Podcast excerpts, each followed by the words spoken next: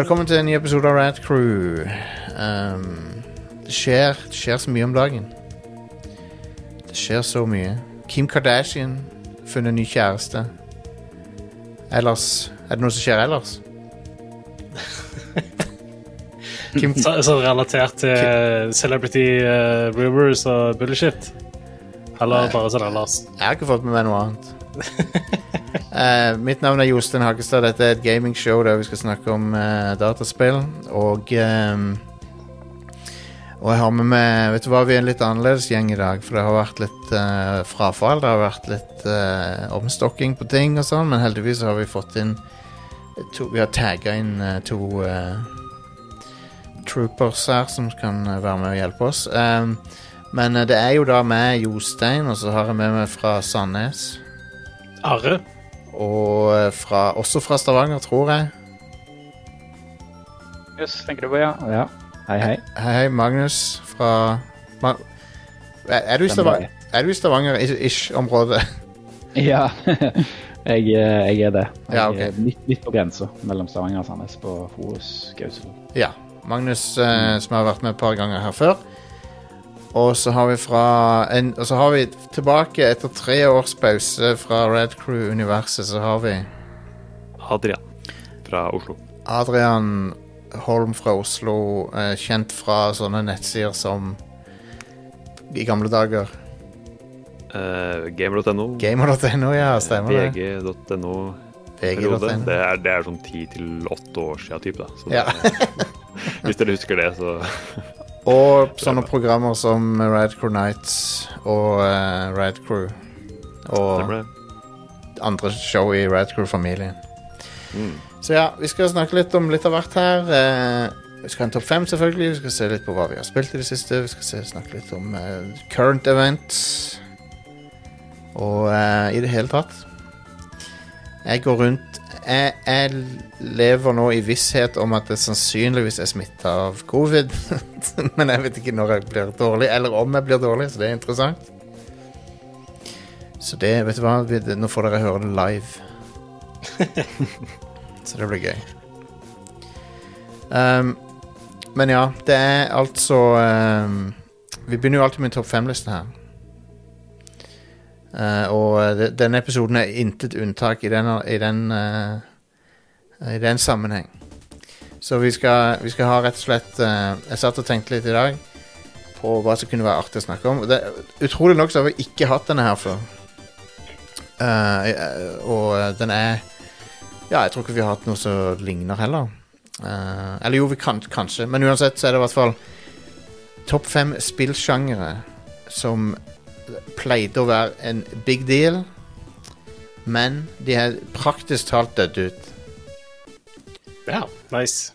Praktisk talt. Og med det så mener jeg Teknisk sett så gis det kanskje ut spill i den sjangeren hvert år, men den har falt fra Den har falt så langt at det liksom Den er Det pleide å være en, en kjempeting, men nå er det nesten ingenting. OK? Nummer fem, det er den kjente edutainment-sjangeren. Som Carmen San Diego og Oregon Trail. Og det var også en del spill på Det var til og med norske spill i den sjangeren. Jeg spilte Ja, ja. Jeg spilte masse av det. For eksempel. Josefine, ja. Josefine, ja. Um, og den, Sånn den tallspill, sånne eh, mattespill, husker jeg vi spilte på skolen. stemmer. Du skulle lære deg språk, matte, av og til historie. Og um, Og de var veldig store. Spesielt i CD-romalderen ble de veldig store. Mm, det var vel da det eksploderte. Ja. Og um, Og det, det var Nei, det var rett og slett en kjempedeal en stund. Men jeg drev og søkte litt etter Edutainment releases nå, men jeg, jeg tror ikke det er en ting lenger. Jeg tror, jeg tror det er bare nettsider som har tatt over for den type ting. At folk meg er det litt på telefonen, kanskje. Kanskje. Eller, Mm. men eh, det er jo ikke sånn høy profil, da. Nei. Det kan hende det er litt sånn iPad-ting og sånn. Ja. Mm. Barm tror jeg spiller en del sånn trykker på farger og Ja. dyr og litt liksom Ja. Men det er uansett er interessant, for det var, det var så big deal en stund. Og eh, jeg husker når jeg var liten, også, så var det Så hadde du Carmen San Diego og sånn. Til og med, til og med Mario Edutainment fins det. Og, og Sonic. Ja, stemmer. Det Ma Mario Is Missing, heter det Mario-spillet. Der uh, du skulle finne Mario et sted i verden, eller et eller annet sånt. Så ge geografi. Ja. Eh, ba Backpacker-spillerne er vel strengt tatt edutainment. De var gøye. Eller jeg vet ikke om de var det, men jeg likte Jeg hadde de da jeg var barn. De var de, Jeg syns de var gøy den gangen. Ja. Um, Jeg husker jeg hadde et spill som uh, gikk ut på at Det var også CD-rom hvor gikk ut på at man, var, man spilte noen sånn kystvakt eller noe og skulle uh, liksom rense opp i oljesøl og sånn. Eller sånn miljøvern Ja. entertainment. Super Mario Sunshine, er det det du tenker på? det var litt lavere produksjonsverdi enn det. Det var eh, ja. Ja, det, det høres ut som et edutainment-spill, ja. Mm. Uh, og så har du til og med sånn du, Nesten i samme sjanger er de der CD-rommene som Microsoft lagde også, som var sånn interaktive CD-rommer. Um, skal vi se. Så da uh, skal vi over på nummer fire, som er pek og klikk eventyrspill. Og da sier du kanskje jo, men de lager pek og klikk eventyrspill ennå. Det stemmer. Teknisk sett så er det folk som lager de ennå, men du har ingen, du har ingen Sierra, du har ingen LucasArts lenger. Du har ikke sånn 'Dette er navnet Dette er branden innen eventyrspill', liksom.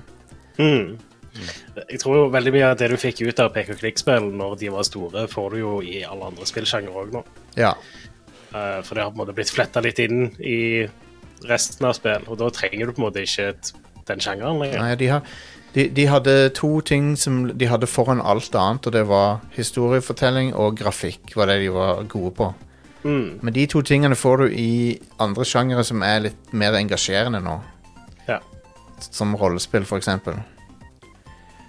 Og um, Nei, det er bare stor Du kan si at storhetstida er tilbake. Teknisk sett så, så har, har de aldri dødd ut helt, men Men uh, du har ikke noe Monkey Island lenger. Du har ikke noe de, de, in, Offisielt Indiana Jones spill, liksom. De, tenk at de ga ut det i den sjangeren. Det var så, Mm. så big deal var den sjangeren at det var liksom offisielt Indiana, Indiana Jones-spill. Sånne visual novel-spill går jo òg litt under dette her, vil jeg si. Ja, Uh, men de eh, er for det meste store i Japan. stemmer. Og noen av de ser fantastiske ut, eh, men jeg, spesielt det som han Tim Rogers lagde video om, det har jeg hatt så lyst til å spille. Men det er på japansk, så jeg, jeg kan det Du har jo på en måte fått det du trenger ut av det ved å se Tim Rogers sin eh, video av det, tror jeg. Ja, ja. Men ja, storhetstida til point and click er dessverre over. Men eh, på 90-tallet så var det kongen. Mm. Um, en annen ting som var konge på et annet tiår, det på eh, Du kan vel si eh, 2000-tall, slutten av 2000-tallet, begynnelsen av 2010-tallet, var uh, det jeg kaller for, uh, på nummer tre her, plastinstrumentsjangeren. ja. Så det var vel bare to spill som Eller nei, det har jo egentlig vært ganske mange eksempler av sånn uh, bullshit plastikkgreier kun for det ene spillet du tar inn i leilighetene. Ja, du, DJ Hero, for eksempel. DJ Hero, um, Guitar Hero, Rock Band og 18 spin-offs av både Guitar Hero og Rock Band. Mm. Og um, Så det var, den sjangeren var huge en stund. Du har jo det der uh, Donkey Kong-spillet med de trommene. Donkey Konga. Ja. Um, så uh, Så ja, det, det, den, den var gigantisk, den sjangeren. Og jeg eide et fullt bandsett òg, jeg. ja. Det er sånn Jeg elsker, jeg elsker de spillene. Ja, det gjorde jeg òg. Ganske lenge også. Ja, egentlig så, så gjør jeg det når jeg tenker meg om. Jeg husker jeg jobbet i butikk på den tida, og det var ganske frustrerende å deale med de svære eskene. Ja, For jeg hadde en ganske liten butikk. Så ja. Uh, Men ja, det var jo en ganske big deal. Ad- Adrian, var du, var du en racer på disse her? Ja, jeg var, spilte det Så er det Guitar Hero World Tour, tror jeg var det jeg spilte mest. Ja, da, da da de gitarer kom med sånn fullt uh, trommesett og sånn. Og jeg spilte trommer, og en kompis av meg spilte gitar. Og vi skulle ta alle sangene på ekspert, og vi var uh, veldig inne. Jeg liker, jeg liker at dere var dedikerte til ett instrument, og det er amazing. Ja, vi hadde bandet, liksom. Eh, fantastisk. Og i mange år etterpå så sa jeg sånn Spiller du noe instrument? Ja, jeg, jeg spiller gitar på trommer, og det er faktisk ganske likt det å spille ekte trommer. Så Så Det eh, er ikke spøk, det, altså. Nei, faktisk, trom, trommer er vel den som ligner mest på det ekte tingen. Mm. Um, Absolutt. Jeg, jeg jeg, har spilt det meste. Jeg spilte veldig mye gitar. eh, Altså, jeg spiller gitar virkelig nå, for så vidt. Som jeg Ja. ikke ser bak her en plass, Mhm. de som er på video. Men eh, jeg spilte òg mye trommer på gitar her og rockband. Og, og når vi fikk et trommesett hjemme, da jeg hadde aldri spilt skikkelig trommer, så var det overraskende overførbart. Riktignok til et digitalt uh, trommesett. ja, ja, ja. Uh, så da kunne jeg plutselig liksom spille helt OK med til en del sanger. Så Kult. det er litt kult. Så det var plastinstrumentsjangeren. Den, det var, på en tid da, så tok det opp sånn en, en tredjedel av plassen i spillbutikker og sånn. Ja. Tok opp enormt med real estate i, i, på hyllene. Uh, på nummer to så har vi Dette var også en big deal en stund. Lightgun-shootere. ja, det dør jo ut når uh, CRT dør ut. Eller, egentlig så døde det ut litt før CRT ble, uh, ble erstatta av flatpaneler. Ja, men det var liksom Det var en stund der alle maskiner måtte ha noe lightgun-greier. Mm. Og det var vel helt opp til PlayStation, inkludert PlayStation 1, at det var liksom en ting som du Ja.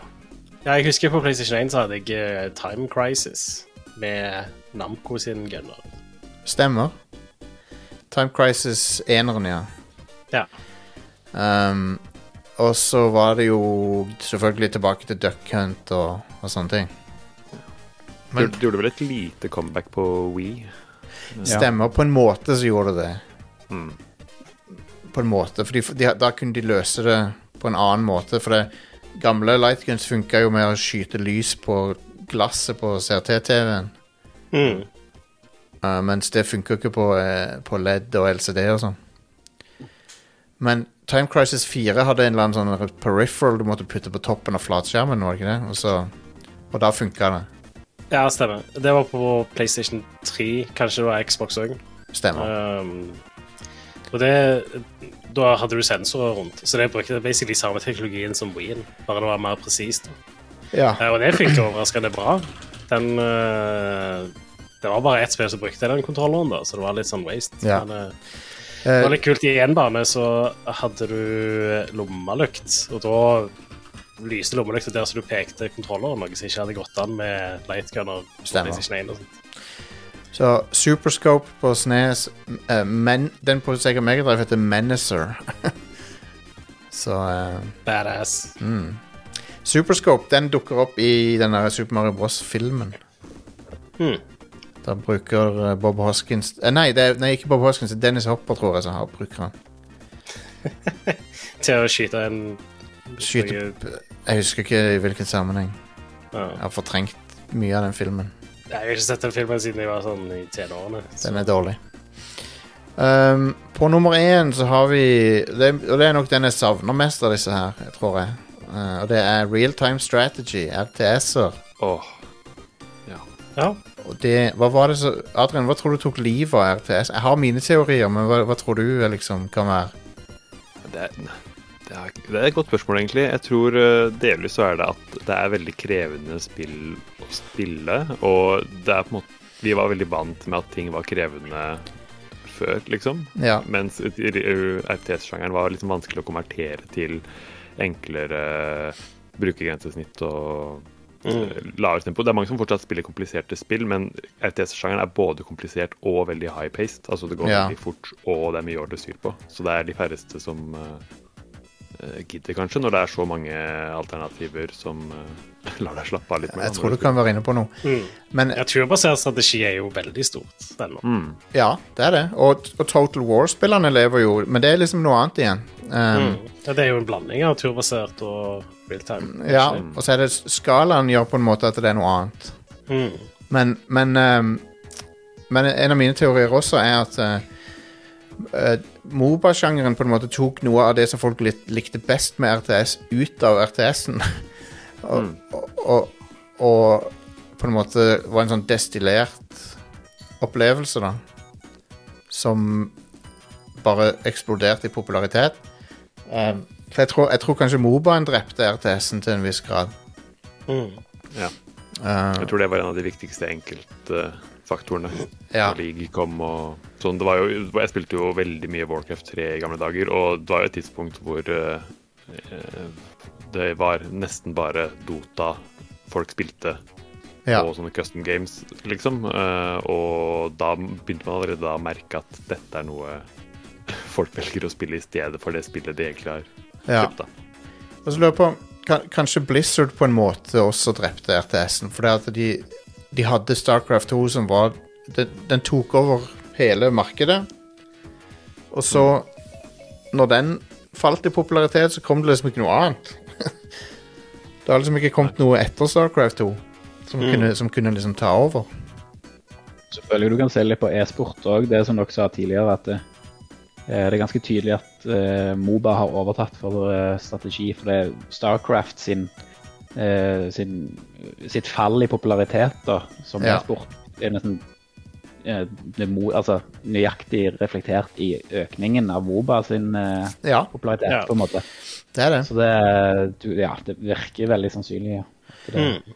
det Og, og det er en sjanger jeg savner. Jeg likte RTS-en. Jeg, jeg, var veldig fan av Westwood og Blizzard. Og til og med spilte en del knock, sånne Command and Conquer knockoffs og sånn på 90-tallet. Sånn som, sånn som Crush Nei, Kill Crush Crush, Kill and Destroy, tror jeg det ene heter. KKND. Um, så ja, det var en uh, Det er på en måte samme, litt, noe av det samme som skjedde med pek og klikk eventyrspillet. At liksom de, noen av de mest sånn, populære tingene i den sjangeren er blitt tatt ut av sjangeren, og så, og så har det blitt mer populært Mm. igjen. Så um, Du har jo, eh, bare sånn for tilfelle sikkert noen lyttere har lyst til å skrike det, så kommer jo Age of Empires 4 ut for ikke så altfor lenge siden. Ja. Og det var jo nesten noen stor, storsatsing sånn sett, og, og et klassisk RTS. Som jeg tror er ganske godt mottatt. Jeg har ikke spilt det sjøl, men, eh, Ja. men det, det, det tok jo ikke av eller noe, tror jeg, i, popularitet. så vidt jeg Nei. vet.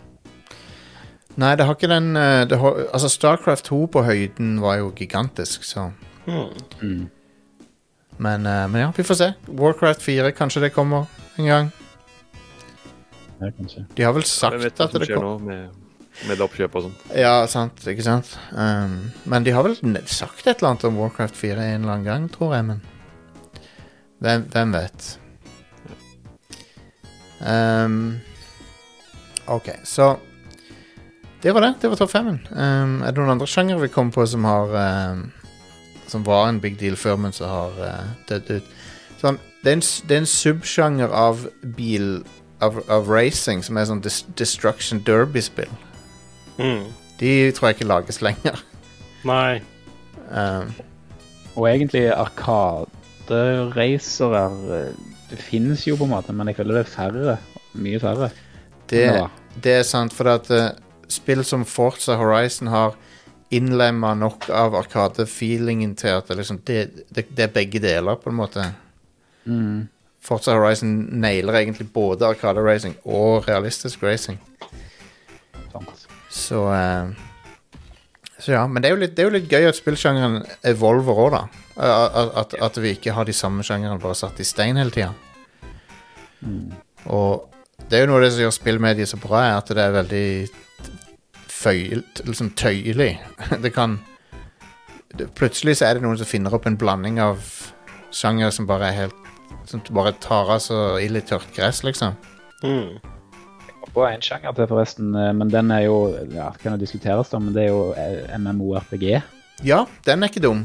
i, i ren form, holdt jeg på å si. Og, du kan, Eh, men så, så, kan, så kan du jo si ned, Ja, ja, den er, men så kan du si at det, den er jo ikke død, for du har to kjempestore MMO-er. Du har World of Warcraft og Final Fantasy 14.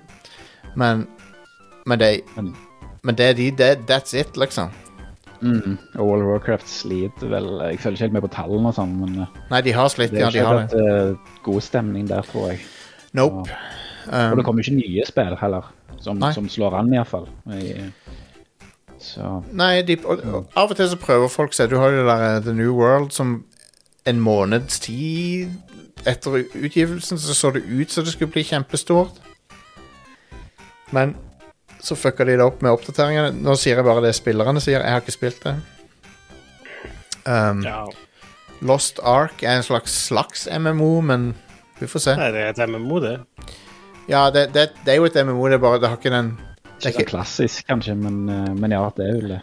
um, Det er vel litt sånn som vi snakket om tidligere, kanskje. Både The Lost Ark og for så vidt Destiny. Eh, og tar jo gjerne de mest populære elementene fra, fra MMO-er og Ja. Og inkorporerer de i litt ny, Ja, det, ny, eh, nytt gameplay. ja det, stemmer, det stemmer nok. Det stemmer nok. Um, så ja, det var topp femmen.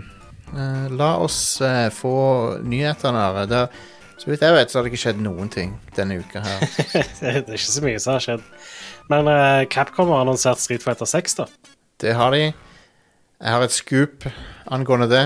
Å, Lo Street Fighter 6-logoen er tilsynelatende stjålet fra Adobe Stock-sida. Han er prikk lik. Uh, amazing. Uh, eneste de har lagt til, er sekstallet. Ja. Men du ser jo på den logoen, det er en skittig logo. ja. Uh, så på tweeten det at eh, det ser ut som eh, Street Fighter har seks uleste mail. oh, god damn. Perf perfekt. Ja. ja, men ja, det ser ut som et ikon på en app istedenfor Ja. en logo, sånn sett. Ja. ja. Um, hva, hva, hva syns vi om uh, Wide Ryu? Ryu? At han er så vid? ja. Det er jo sånn som han pleide å se ut i Er det trien? Ja, kanskje han ser litt ut sånn som det, ja. Han er så vid? Han er nesten så vid som han er høy nå, Ryu. Ja, konge. Jeg er on board. Cap Capcom liker muskelbuntene sine. Ja. Give me that Kylo Ren-look. Men det jeg lurer på da, kommer for, for De må jo gjøre noe for å kompensere. De kan ikke gjøre Sangif enda større enn han er igjen. Kan de det? De kan ikke, fordi hvis de skal, være, hvis de skal beholde størrelsesforholdene, så må jo Sangif være så, som en buss, omtrent. Ja, det, jeg er on board for dette. Lårene til Chun-Li er som tre, Åh. trestammer. Ja, konge.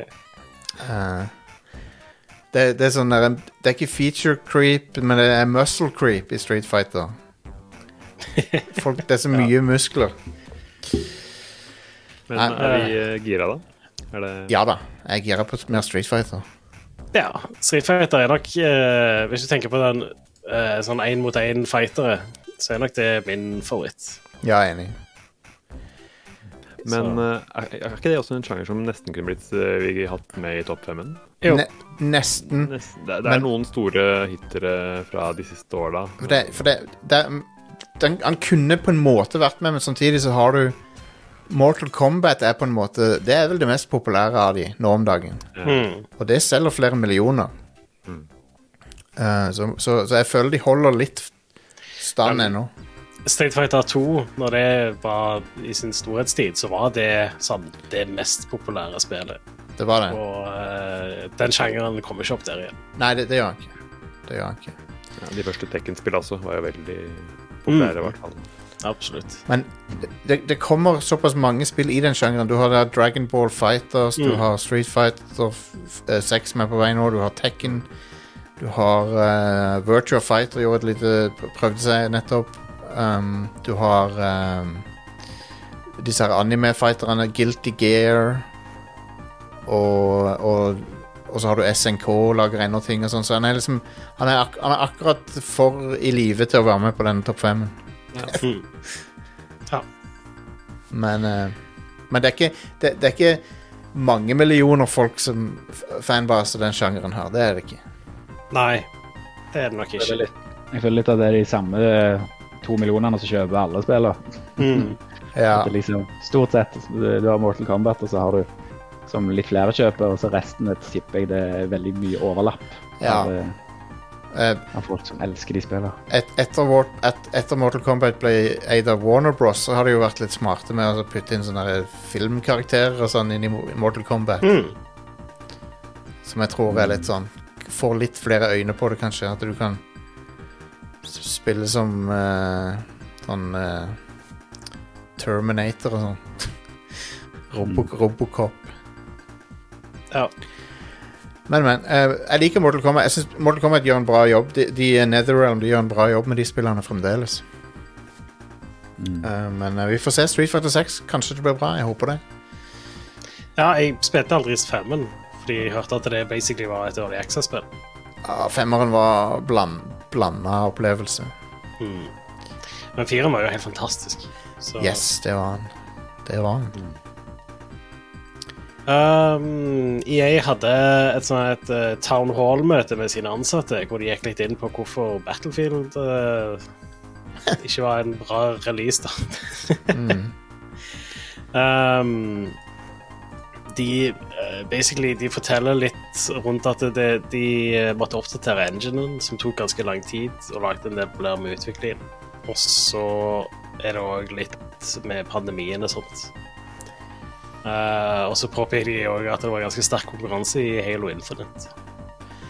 Ja, de ble, de ble knust av Halo Infinite, så Det gjorde de.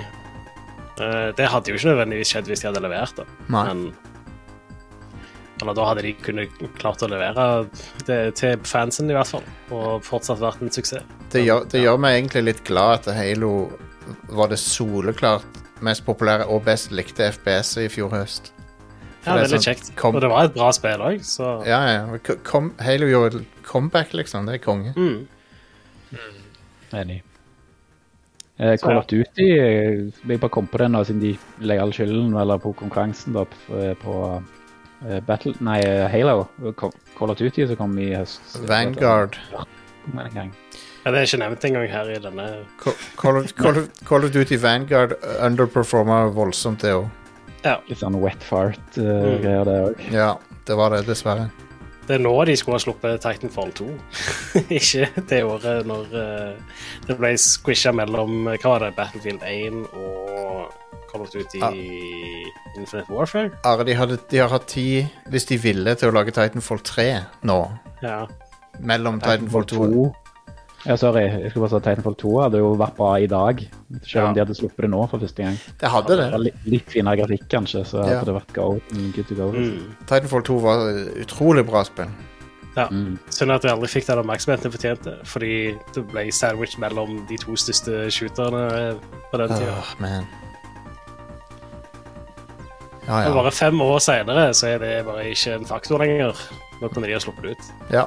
Men de kunne òg, som jeg sa, mellom Titanfall 2 og nå, så kunne de lage Titanfall 3 og gitt det ut nå. Ja, Men, det kunne eh, de. men uh, De har jo vært travle da, for så vidt, med både Apex og diverse Star Wars. Ja. Og, ja. de har, de har de, eh, eh, Det er ikke Ja, uh, utvikleren har ikke gjort noe galt, for de har laga to bra spill. De har laga Apex og Jedi Fallen Order. Mm. Mm, Begge de er knallgode, så absolutt. Ja. Uh, siste nyhetssaken jeg har, er at uh, Nintendo stenger ned uh, eShop på 3DS og Wii U. rest in peace, eShop. Ja.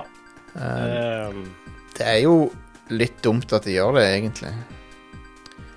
ja, jeg syns det er veldig dumt. I hvert fall i det minste, da, så kommer det fortsatt til å være mulig å laste ned spill du har kjøpt, og oppdateringer til spill og sånt i eh, sånn the foreseeable future. De har ikke snakket noe om når det skjer, eventuelt. Men uh, de, de begrenser muligheten til å uh, kjøpe spill. Ja, sånn var det, ja. Ja um, Så fra august så får du, kan du ikke lenger bruke Nei, vent. Fra mai så kan du ikke bruke bankkort til å legge til penger eller kjøpe ting. Og fra august så kan du ikke legge til sånne e-shop cards. De med sånne koder. Så Og pøs eh, på med Pøs på med på, mars Ja. neste år så kan du ikke lenger kjøpe noe i det hele tatt, uansett hvordan du skal betale. Ah, Ok, de har, I det minste så har de gitt en lang tidshorisont på det. Ja, det er sånn ett år fram i tid, basically. Men eh, effektivt, da. De fleste kommer nok til å slutte å kjøpe ting fra mai, når de Ja. begrenser muligheten til å betale med bankkort. Det er nok sant. Men eh, Ja, det, det er jo det evigvarende problemet med digitale eh, butikker. Mm. Og Nå folk er jo eh, heldigvis Wii U, da, der mye av spillene der er jo blitt portet over til Switch. Ja. Eh, men på 3DS er det nok ganske mange spill som du ikke får tak i andre plasser. Det er det, det er det fansen av NFTs ikke skjønner heller. At dette problemet forsvinner ikke på grunn av det. Nei.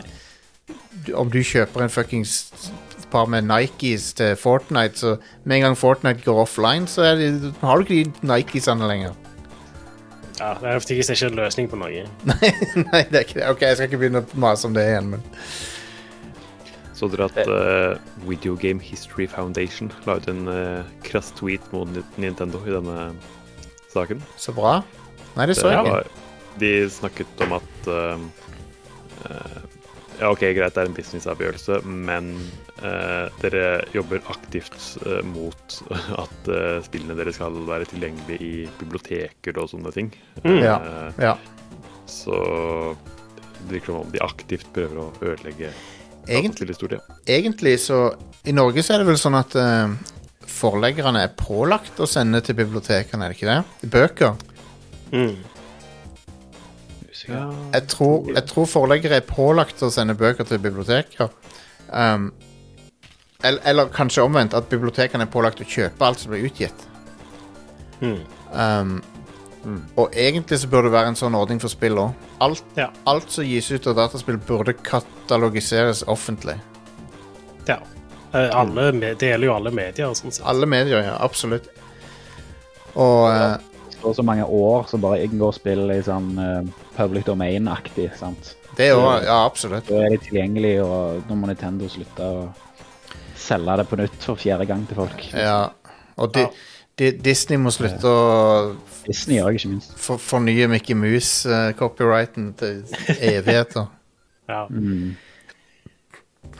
Og Ja. jeg, var- jeg syns det er litt sånn trist, det er jo sånn som du var inne på, Adrian, at det, liksom, Nintendo kjemper jo mest mot De er jo nesten direkte motstandere av pres, eh, preservering, hvis det heter det på norsk. Ja, de er det. Spill. De er det. Eh, og de er òg de mest hissige på å gå på enkeltpersoner som, som uh, våger å Nå skal ikke si at jeg støtter det, da, men, men de som, som uh, holder disse spillene i live på diverse romsider osv. Så, videre. Ja. så det er litt sånn Det er det som gir meg litt sånn vond smak i munnen her. at Liksom, kombinasjonen av at de relativt tidlig kanskje legger ned denne shoppen, og samtidig er så sinnssykt aggressive på å stoppe eh, ja, bibliotiseringen, hvis det er et ord igjen, ja. her, eh, av spill. Mm. Jeg er veldig sånn, Det er fair da for at de er aggressive på å stoppe det på spill som er veldig aktuelle i dag. Men Jo, jo, de jo, jo. fortsatt gjør det med Nintendo og Super Nintendo-spill og sånt. Så yeah. altså, Greit nok de har den der shoppen sin eller online-greia hvor du kan spille Nintendo og Super Nintendo-spill, men de spiller seg ikke på de tjenestene, da. ja, sant. Det er jo ganske mange. Ja, det er det. Så det er eh, ja. Japp. Så eh, det, er, det er et evigvarende problem. Det er et problem som vi bare vil se oftere og oftere framover. Ja. Dessverre. Heldigvis er det veldig mange folk der ute som driver og cracker ting og ta, bevarer kulturen. Ja, enig. Og det, det er ikke Det har ikke noe med piracy å gjøre alltid. Det, det, det er folk som er Nei. genuint interessert i å bevare ting. Mm. Så eh, Så ja. Er det mer rare? Det var det jeg hadde av nyheter, men det er jo litt uh, utgivelser som kommer denne uka. Det er det, vet du. Så uh, for, ja, I dag så kom det en oppdatering til Destiny 2. Det er det der uh, The Witch et eller annet. The, wi The Witcher. The Witcher. Er han med i Destiny nå? The Witch Queen. The Witch Queen er det, ja. Stemmer. Ja. The Witch Queen, er det Jeg er litt sånn forvirra over Destiny av og til. Er dette med på GamePass, eller må du kjøpe det selv på, eh, hvis du har GamePass? Det vet jeg ikke. Nei, sant? For det er så jævlig forvirrende med de DLC-ene til Destiny. Gamepass, eller mener du sånn season pass? Eller? Nei, for det, det, hele Destiny 2 har vært på GamePass, inkludert DLC-en. Ja, ja, ok. På, på, I hvert fall på GamePass på Xbox. Jeg tipper den ikke er med, da. De må jo tjene noe penger. Ja, han er nok ikke det. Ja. Men uh, som sagt, som jeg hadde sagt om Destiny før, Destiny 2 før spesielt, at hver gang jeg logger inn i det, så er det så mange ikoner og oppgaver og ting å gjøre at det bare blir sånn Jeg blir helt overveldet av det. Ja, det er jo et uh, Games as a Service, så du må jo fortsette å spille det jevnlig hvis, du skal hvis du skal få noe igjen for det. da. Ja, det er ikke et du, Jeg føler du kan ikke spille Destiny 2 casual. Du kan ikke være casual med det spillet. Hmm. Du, du må det gjelder de fleste sånne Games as a Service-spill. Ja. Det gjør nok det. Men jeg jeg føler Destiny er hakket vanskeligere enn eh, et par av de andre. Sånn så Av og til så bare hopper jeg inn i både det og, og det der um, eh, Tom Clancy Division Ja. Ja. 2. Og det Division 2 syns jeg er sykt mye enklere å bare hoppe i gang med. Ja, OK. Mm. Um, men det er sikkert noe med de planetene og alt det greiene der som blir, du blir liksom hva, Hvor er alt? og sånt. Ja, det er litt uoversiktlig. Ja. Sånn Hvis du hadde gitt meg Hvis du hadde tatt en stoppeklokke på meg nå, og så hadde jeg hoppa inn i Destiny 2, og så skulle jeg finne neste Story Quest der jeg slapp Hvor, hvor Ja. lang tid hadde det tatt før jeg fant den? Ganske lenge, tror jeg. Ja, så en halvtime, liksom, eller noe. Ja, for det er sånn Hvor, vil, hvor er han? Hvor, hvor skal jeg gå hen for å finne Ja. neste storyquesten som jeg ikke har gjort? Mm. Jeg prøvde faktisk å bli en sånn casual Destiny 2-spiller i fjor. Eh, Jeg hadde noen kompiser som spilte den en del, og det var uh, akkurat, altså. For de, liksom, de, de hadde mer tid til å spille enn meg, så de føyk jo ifra meg når jeg hadde vært borte Ja. En stund. Og jeg fikk aldri satt meg helt inn i det, det som du sier, Jostein, den huben og ja. det grensesnittet og alle disse folka som du kan snakke med, og hva, hva de, disse currencies og Nei, jeg blir det, Ja, en må ta en årsenhet. ja, men Det er så frustrerende med alle disse valutaene. Det, det er det Ja, minst største Jeg hater det. I, ikke bare Destiny, altså, men òg det der eh, Jeg har så vidt vært innom Genshin Impact, bare for å teste det. Og, Ja, det er crazy der òg.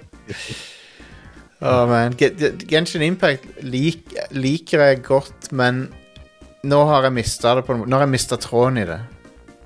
Så nå er, jeg- nå er jeg screwed. Så når jeg går inn i det nå, så da har jeg mista tråden. Nå vet jeg ikke hvor jeg skal gå hen. Eller hva jeg skal gjøre. Men, men. Det er sikkert bare jeg som er blitt gammel òg. Ja. Um, Men du vet hva du skal gjøre i Final Fantasy 6 Pixel Remaster, som kommer ut til PC, IOS og Android i morgen, Jostein? Det vet jeg, for det, det har jeg spilt før. Så det, Ja. Det er et skikkelig bra spill. Det er det beste av de der klassiske 2D Final Fantasy-spillene. det er det Ja, det er det faktisk. Men det er interessant at du sier 2D, for det at eh, de har lagt til noen nye ting i denne versjonen her. Blant, noen av scenene er i 3D nå. Å ja. Sånn, Ja, kult. Den operascenen, blant annet. ja. Eh, det lager jo for så vidt mening, da. Den operascenen er litt uh, Altså, bakgrunnen der Jeg ser for meg at det, den, den kunne blitt godt forbedra over å 3D. ja. Så det er noen sånne småting de har gjort med grafikken her. Um, Ja, konge. så, eh, så ja. Um, jeg, jeg, jeg trodde dette var ute allerede, men det er visst ikke det. De har sluppet de litt sånn litt etter litt. Ja. Så jeg tror de allerede har sluppet Pixel Remaster til fire, eksempel, Ja. som er det andre av de som folk bør spille. Den, ja, femmeren er bra. Det, femmeren er, er det undervurdert, altså. Eh, jeg vet at uh, Rune Fjell Olsen han hater ordet undervurdert, men uh, jeg, jeg gjør ikke det. Jeg liker det ordet, for at det, Ja. det Eller la oss si Final Fantasy 5 på grunn av at det aldri ble gitt ut her skikkelig, annet enn på Gameboy, Hmm. så Gameboy Advance, så er det Så har veldig få nordmenn spilt det spillet, Ja, jeg har ikke spilt det sjøl. Og det er kjempebra. Ja, konge. Så eh, det er verdt å, verdt å sjekke ut. Men det, disse er på Steam, eller? Eh, ja, de er på Jeg tror de er på Steam. De er i hvert fall på PC.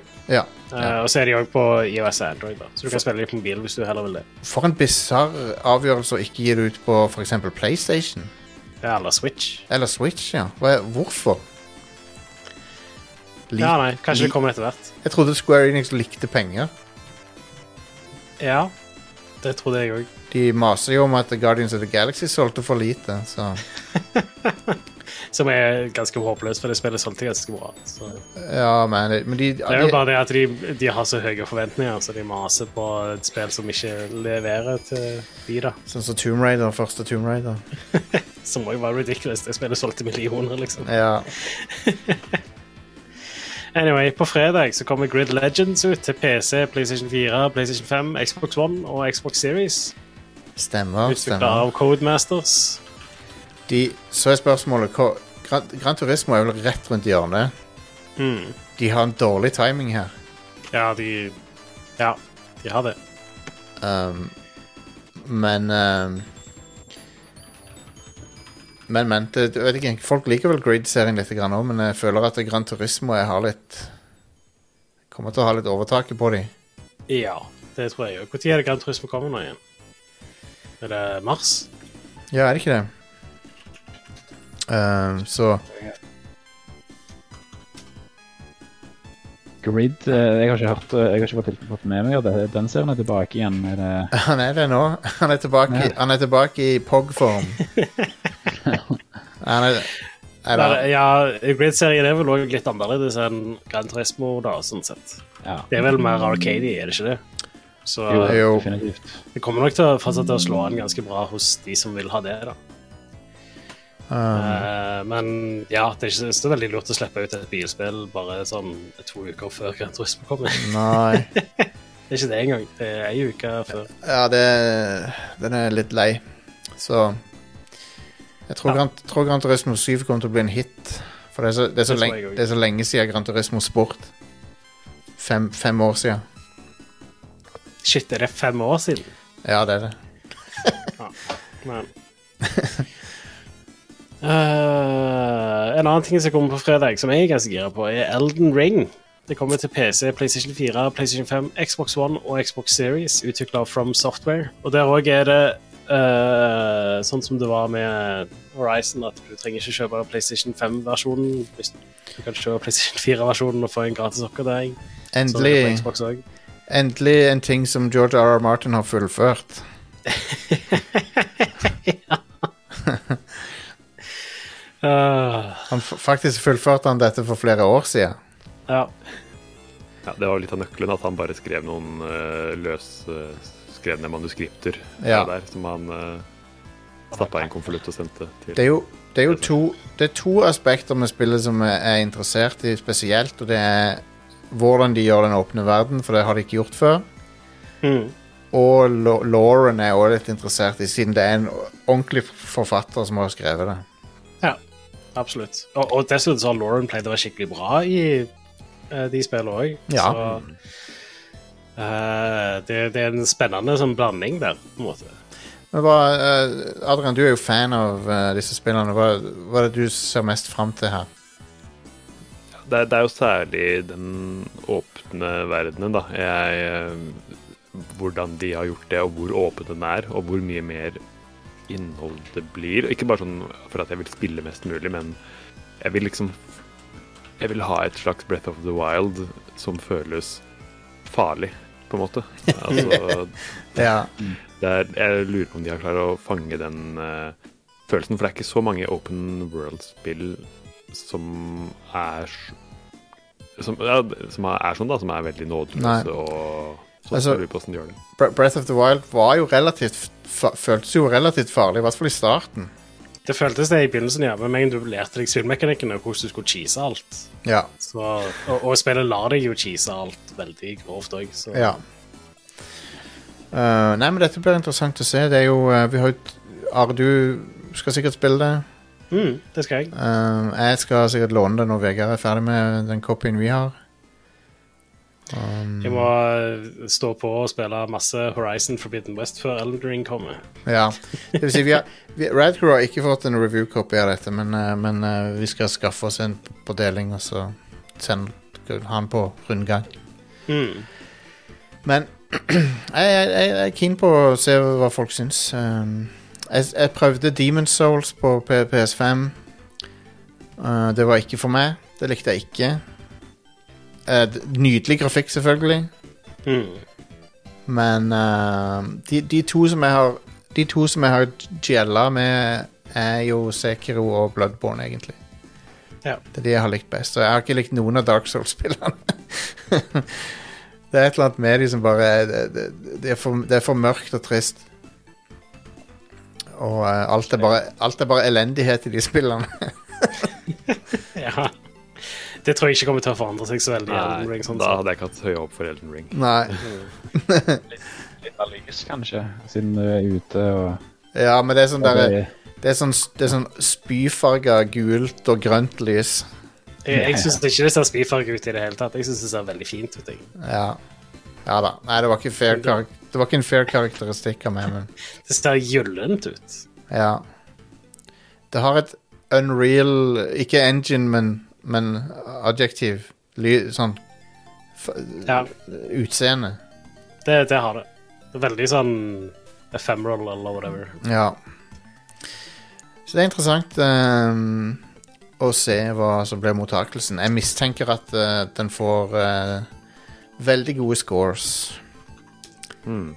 Det hadde overraska meg hvis det score- scorer lavere enn noen av de andre. Ja, jeg føler at sist, sist gang vi hadde et spill som det var så store forventninger til, var Cyberpunk 2077. Og det Der ble det jo en stor backlash, så jeg lurer på om dette blir det skal man si, Messias-spillet som fanbasen uh, vil For- at det skal være. For fansen så blir det det, um, Ja. tror jeg. Akkurat som Hor- Hor- Horizon Forbidden West, for, for meg som er fan av den serien, jeg, det var alt jeg, alt jeg ønska meg. Så uh, All right, men da skal vi ta en liten pause, og så er vi tilbake med litt spilldiskusjon. eh, litt av hvert her. Ehm, det er mulig det blir en overraskelse på episoden også, en annen ting vi kan diskutere, men det, vi driver og jobber med det nå. Se om det skjer.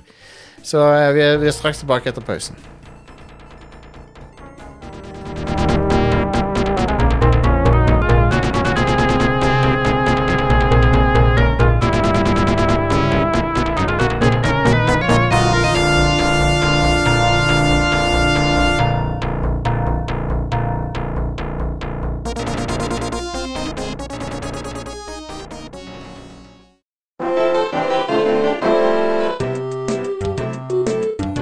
En liten overraskelse til dere midt i showet her. Det er Erik Frossum som snakker om eh, Elden Ring.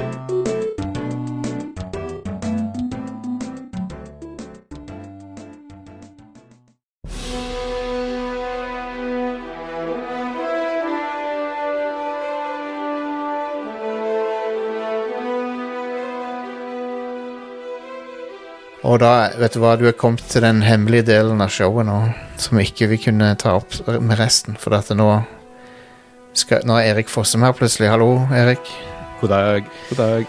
Du har oppdaga en sånn secret nå, akkurat som du gjør i spill. Du har, du har trykka på en sånn murstein som var litt løs, og så er det en secret inni der.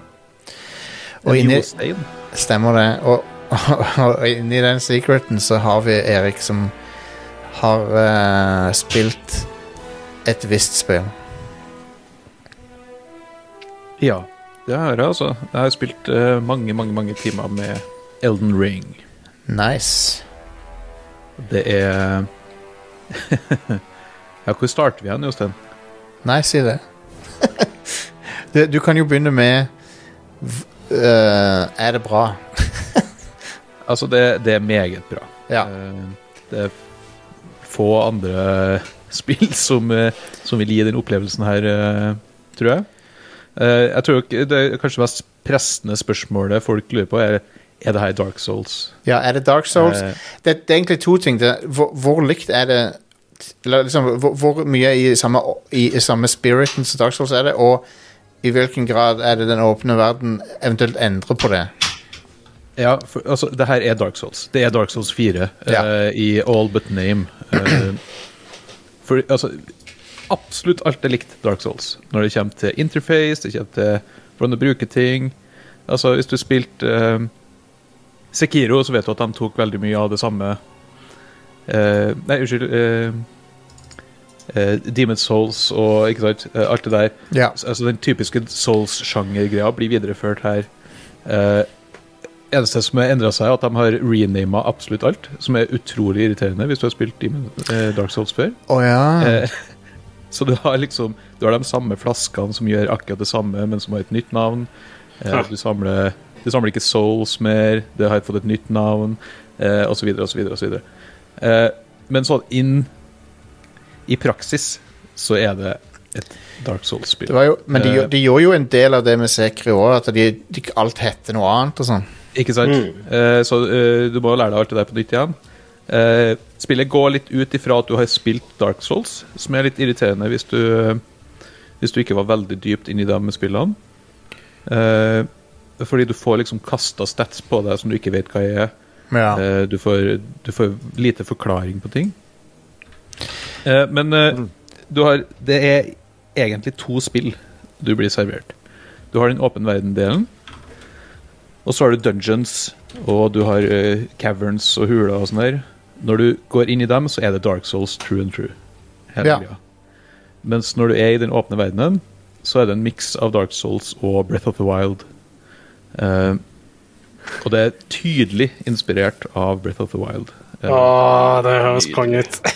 det, er, altså, det er mekanikker som så å si er løfta rett fra Breath of the Wild her. Uh, Konge. Veldig tidlig i spillet sant, så, det, så ser du at det er bosser som får gå rundt på kartet, f.eks. Så det er litt sånn Xenoblade òg, hvis du vil. Ja, ja, ja. Retninga. Eh, veldig mange fiender som du ikke har sjans på å klare å ta i starten. Sånt er jeg veldig stor fan av. Eh, at du liksom Du kan forville deg inn på et område eh, og, så, og vite at her er du fucked hvis du starter en, en kamp. Så, de har innført en snikemekanikk for å gjemme deg i busker, prøve å komme deg litt rundt fiender isteden. ja. Uh, og, og ting som liksom er rett fra Breath of Wild, som camps, der det er fiender. Hvis en av dem ser deg, så blåser de i et horn, og så kommer alle sammen mot deg. Sånne ting. Så det er sånne små puzzles, kunne jeg egentlig kalle det, rundt omkring, med hvordan skal du angripe uh, den fiendeleiren her. Uh, og så når det kommer til liksom selve fightinga, så er det jo Dark Souls. Eh, ja. og eh, jeg har gått for en litt sånn klassisk eh, melee-bild, og da føles det jo veldig som Dark Souls. Kanskje mest som Dark Souls 1, egentlig. Er det sånn, det, så det er mye rulling? Det er mye rulling, det er mye shield-blocking, det er mye uh, parrying. Uh, sånne ting, ikke sant, er veldig sånn som du, du vet om det fra før. Men Adrian, er du en ruller, eller er du en uh, ranged uh... Jeg ruller. Ja. Har på så lite klær som mulig, sånn at jeg kan rulle raskt. Er det sånn her også? At man uh, har Absolutt. sånn fast rolls og Ja, ja. Uh, det er litt irriterende, for jeg gikk for den preseten som jeg gikk for, eh, starter jo over encumbered. jeg skjønte jo ingenting. Oh my Da jeg skulle møte, møte min første sånn eh, pissefiende, ikke sant, og så prøve å rulle, så er det sånn uh, uh. Så liksom prøve å, prøve å lufte ut litt og ta av litt eh, rusningdeler og sånn, så gikk det bedre å kaste seg rundt. ja. Eh, så har jeg valgt å spille sånn, men det er jo, det er jo mange forskjellige Det er ikke classes sånn sett, men det er jo sånn som i, i Dark Souls at du kan eh, legge litt mer points inn i eh, magic-delen. eh, og, og prøve å ta folk fra ranged eller et eller annet. ja. Jeg har gått for en klassisk uh, melee-bild. Ja. Det er sånn jeg liker å spille. Være litt tanky. Mm. Uh, men det skjer jo uh, altså Jeg vet jo mange som ønsker å gå naken inn i spillet, bokstavelig talt. Og bare punche seg gjennom, og det kan du jo. Konge. Men det Hvordan er denne her eh, De, de har jo skilta veldig med kjendisforfatternavn og sånn. Er det, noe Ja. som, er det noe som du merker noe til, liksom? Eller? For å være helt ærlig, historien i spillet er litt sånn eh, jeg, jeg greier ikke å bli stram i dongerien over det her, altså. Eh, det, historien jo, handler jo om The Elden Ring, eh, som eh, gikk til helvete, ble knust.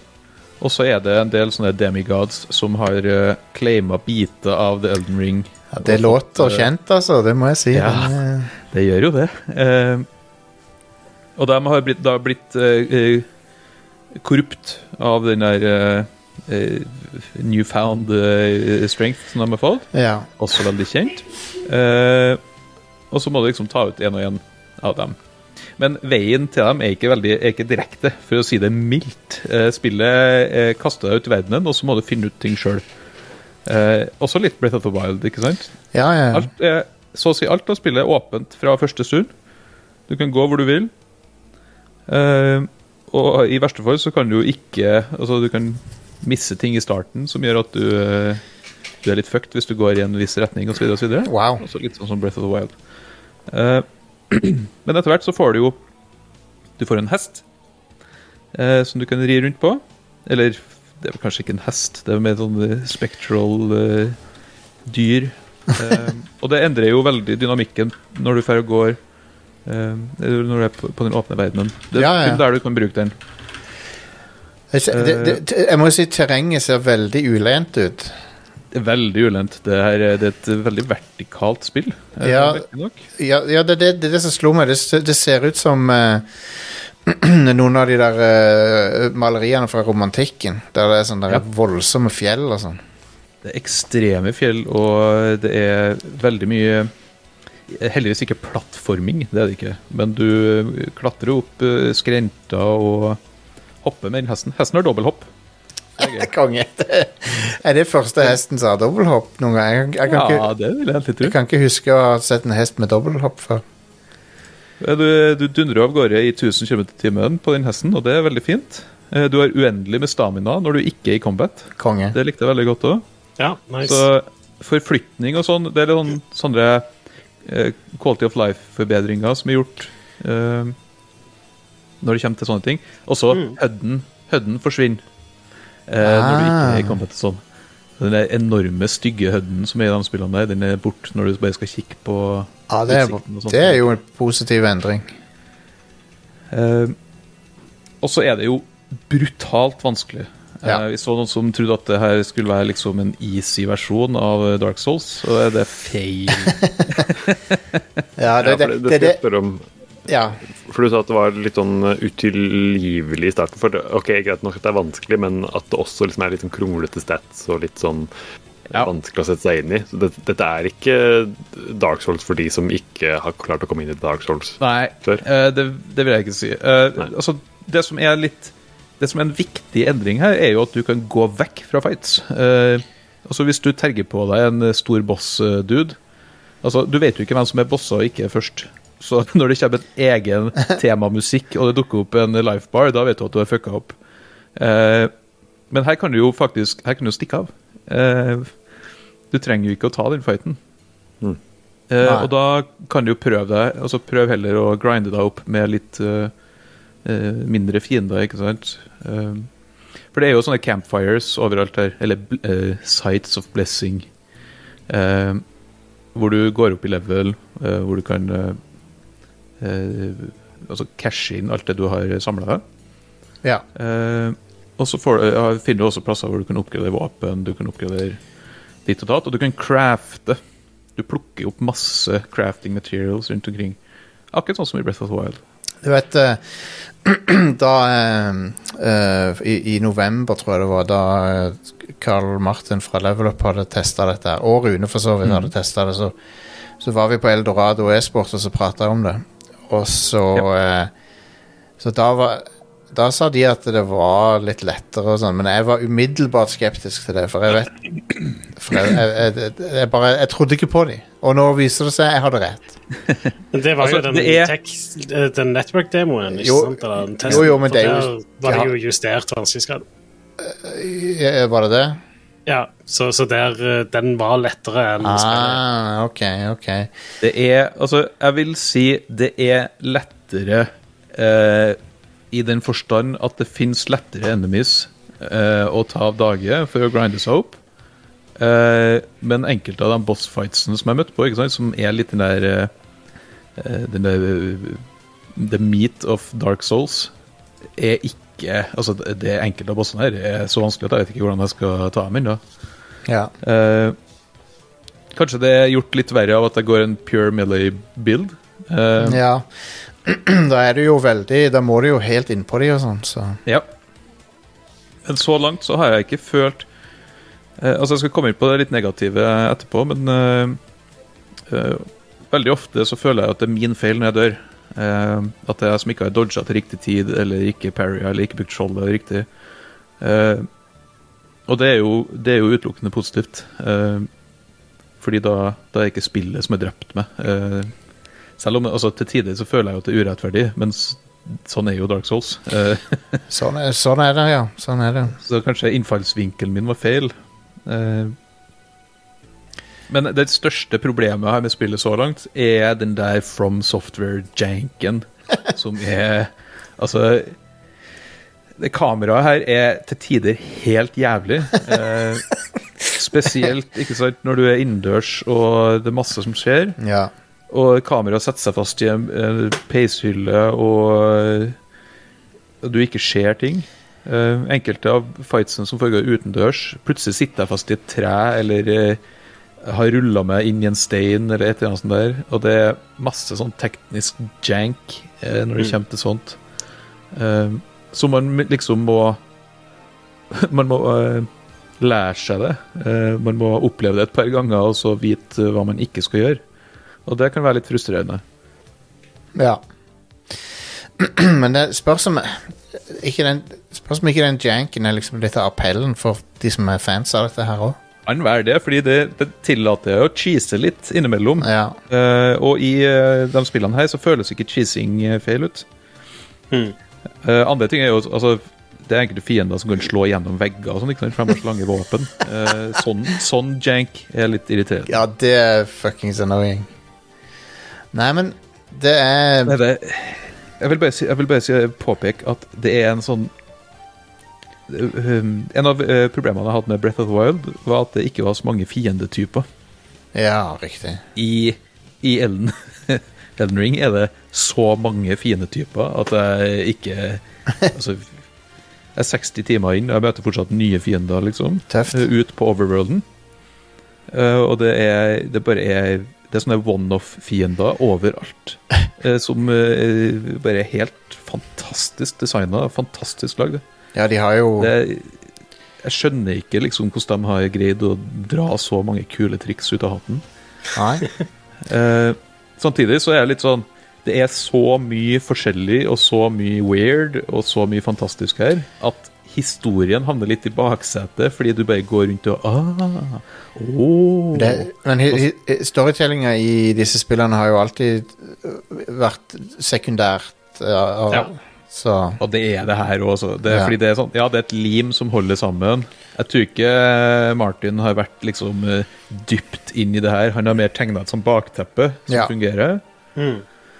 Du kommer jo inn som en sånn uh, tarnished uh, og skal, skal prøve å claime The Elden Ring. Det er liksom det som er bakteppet. Uh, eh, og så er det Det er ikke så mye mer eh, enn det.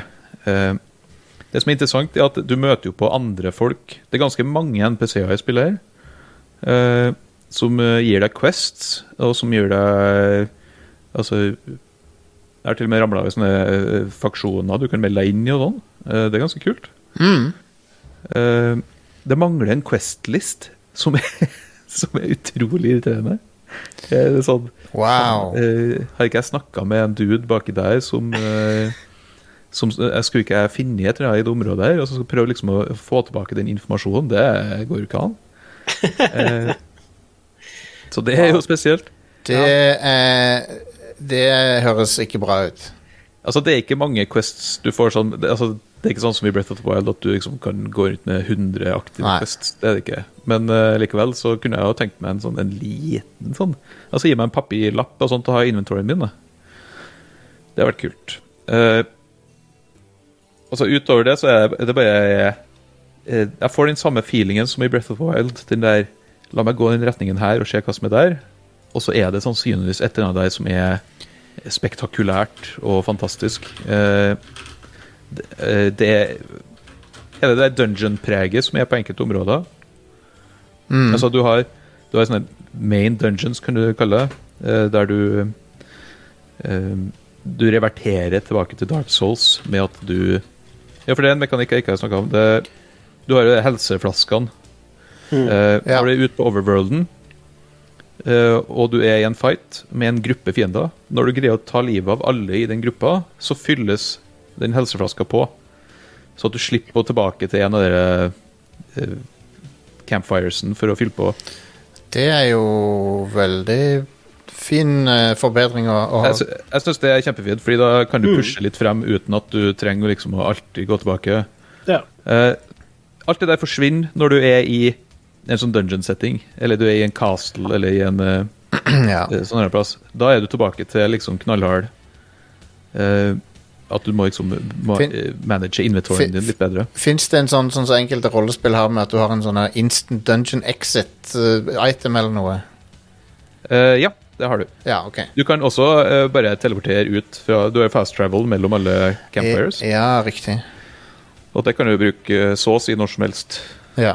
Uh, det er generelt uh, ganske mange sånne save points. Eh, ja.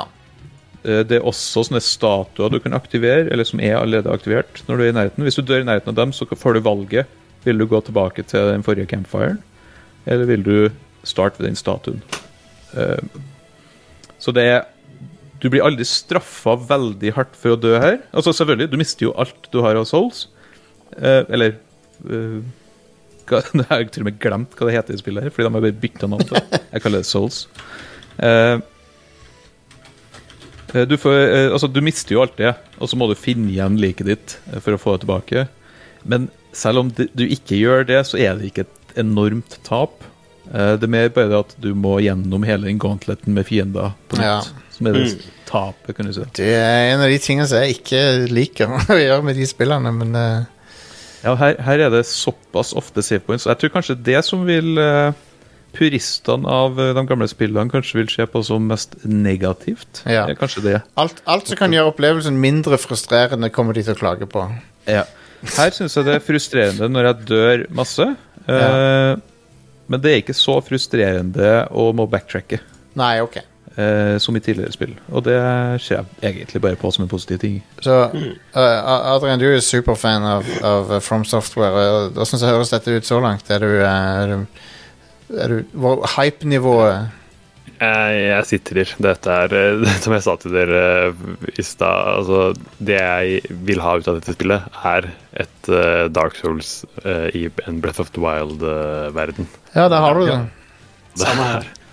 Så det er helt nydelig. Men vil, vil du si at eh, For det høres ut som at eh, du sier at spillet ikke gjør noe, på en måte, noe, noe fundamentalt nytt, men at det mer er bra i kraft av å eh, Ja. perfeksjonere ting som allerede fins, på en måte. Ja, eh, jeg vil si det. Altså, det er ikke eh, et revolusjonerende spill. Det er det ikke. Eh, og så er det Altså eh, Bare liksom hvis du kikker på den store verdenen, da, så er det kanskje litt overveldende hvor stor den er. Eh, Ja. Fordi du kan, springe, du kan springe i en retning liksom i, i lang, lang tid, Oh, ja. og så være, være litt sånn uh, hva, eh, den, Det området jeg er på nå, vil, hvordan knytter det seg inn i liksom den verdenen? Og Ja, ja, bossene jeg skal ta og alt sånt der? Fordi det, bare er så vanvittig mye, da. Det er interessant, for jeg, sånn fra det de har vist, så fikk jeg inntrykk av at det var en litt mer kompakt verden. Å nei, ja. det er det ikke.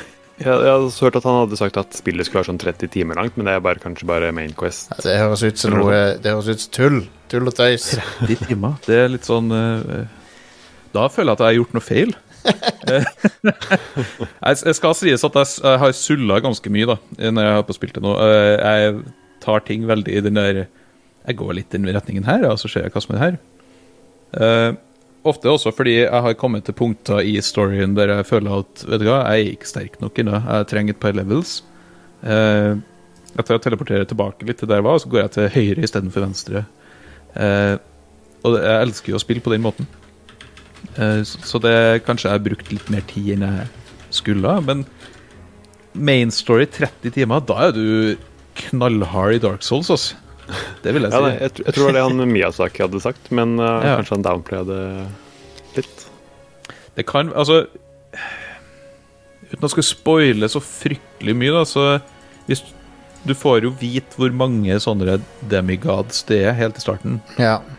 Eh, og eh, hvis det liksom bare, bare er du skal dundre gjennom dem, så kan det skje det. Det er, jo, det er jo sikkert noen som speedrunner det på fem timer om- noen måneder. Eh, det er jo ikke sånn som i Brett of the Wild at du kan gå rett til siste bossen. Eh, jeg vet ikke hva siste bossen er engang. Uh, det eh, Den siste bossen er George R. R. Martin som sitter med, sitter med PC-en sin og prøver å fullføre han, han prøver å fullføre uh, Song of Ice and Fire. Kan være det. Eh, Nei, eh, eh, det, så, det var så fint å se at det var liksom så tydelig inspirert av Breath of the Wild i måten det er gjort på. Ja, verdenen er fundamentalt bygd på en litt annen måte. Det er ikke en så trivelig verden som i Breath of the Wild. Nei. Det er jo litt Ja, det er interessant, ikke, interessant at de låner fra det, for det Breath of the Wild låner fra Dark Souls igjen. Så. ikke sant? Eh, bare fint, det. Eh, jeg syns jo altså Kanskje, hvis jeg skal sette fingeren på noe annet, så er det Jeg syns lydsporet er fantastisk i boss battles. Og så syns jeg det er litt kjedelig i resten av spillet. Ja, Det er alltid litt sånn gloomy.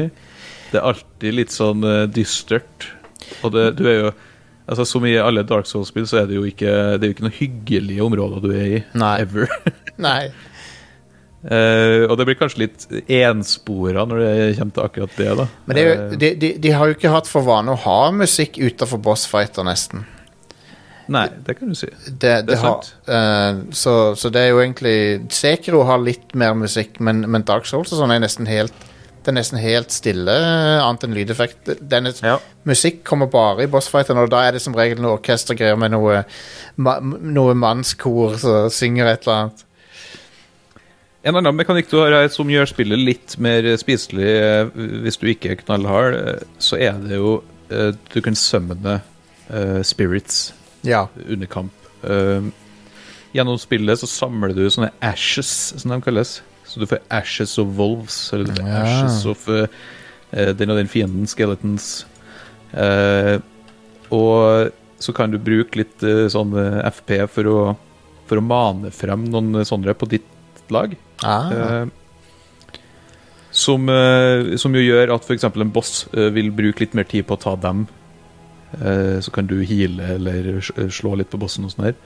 Eh, det er egentlig en sånn lifesaver eh, som puristene kanskje ikke vil sette stor pris på, men som jeg syns er, er kjempeflott. Og så kan Mm. du levele opp dem, og du kan gjøre ditten og datten. Jeg fikk tak i en sånn jellyfish jeg kan få frem, f.eks. Kult. Um, nei, men eh, det, nei, det, det, det er gjort noen sånne quality of life-ting som jeg liker veldig godt. Uh, og så er det fortsatt masse jank. Uh, jeg spiller jo på PC, og prøver jo å bruke uh, tastatur og mus. Og jeg er 50-60 timer inn, og det, er jeg slåss fortsatt litt med styringa. Fordi det er Det er ikke lagd for mus og tastatur eh, Så du- i det hele tatt. Så du spiller ikke med kontroller på PC, da? Jo, jeg har jo jeg, Men jeg har lyst til å bruke tastaturmus. OK. ok Så jeg, jeg bruker begge deler. Eh, og så er det det der kameraet og Det er et lock-on-system, som i de andre spillene, men her er det jo kanskje litt flere fiender på en gang, som gjør at det hopper veldig eh, liberalt rundt.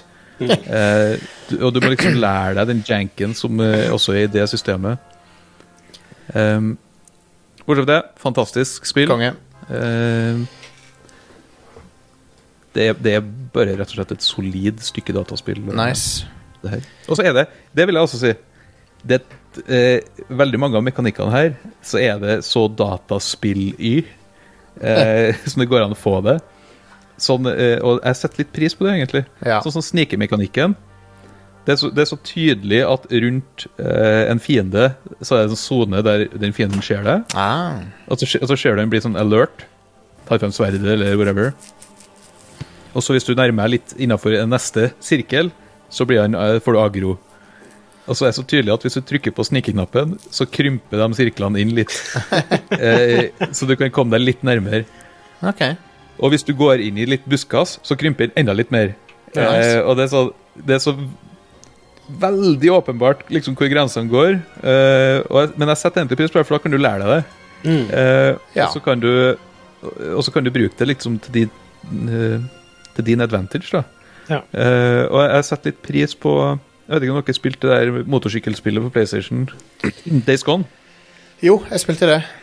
Som også hadde en litt sånn banal snikemodus. Med sånn, Enten er du inne i busk, eller så er du utafor busk. Ja. Og jeg likte det egentlig litt. Og så har du det der pathsen som fiendene går, er veldig rigid. Men det er liksom Hor- Observer og lær deg. Horizon Forbidden West har samme opplegget. Så Ja. der, der kan du òg tagge fiender, og så ser du pathen de følger og sånn. ja, stemmer det. Så Eh, Det, men eh, jeg, jeg setter litt pris på det, Fordi da kan jeg liksom Jeg kan sette meg på en høy kant og så kan jeg observere en sånn liten leir i et par minutter, og så vet jeg akkurat hvor folk går. Så kan jeg snike meg bak dem, og så backstabbe dem én etter én. Det er bra. Eh, og det syns jeg er gøy. Det er jo stelt Stealth var en av de kjekke tingene med Sekiro òg, syns jeg. At det, Mm. det var veldig gøy å, å rett og slett uh, bare skive folk i ryggen. Og så er det jo sånn dag-natt-system her. Um, Så det er enkelte fiender som bare er på natta. Andre fiender sover. Så liksom du, du kan snike deg inn på dem. Også litt sånn ting tatt fra Breath of the Wild. Eh, Så det er, det er mange sånne Det er mange ting. Veldig bra. Um, Jeg syns synd på dem som skal 100 til spillet her med sånn no hit runs og sånne. Fordi holy snap, her er mange parametere. ja. Ja. eh, det ja, det, det vil nok ta litt tid, men jeg tror det vil ta kortere tid enn- vi tror. Jeg tror No hit run skjer nok etter hvert, men et 100% no hit run, det tror jeg Nei. Det, er, det, det blir interessant å se. Um, Så er det multiplayer. Jeg er ikke stor fan av multiplayeren i Dark Souls fra før. Nei. Uh, her er det lagt til en sånn PVP-arena du kan gå inn i. Oh. Uh, men ja, det er sånn, de har skilt det ut fra resten av spillet, egentlig. Uh, den PVP-biten, hvis du vil utfordre deg sjøl. Men du kan bli invaded, og du kan invade andre. Jeg har skrudd av alt. Etter å ha testa et par ganger, så ble jeg skrudd av alt, fordi jeg vil ikke ha sånt. Eh, samme med den der meldingene som er i bakken.